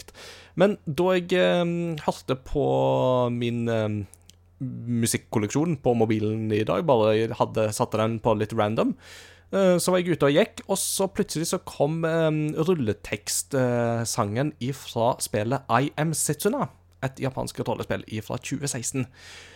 Og det syns jeg passet så godt at uh, vi skal ha liksom et utdrag av uh, det. Det er en sang om snø uh, som vi skal få høre der på japansk. Og I Am Setsuna er jo et japansk rollespill der hele verdenen er i evig vinter.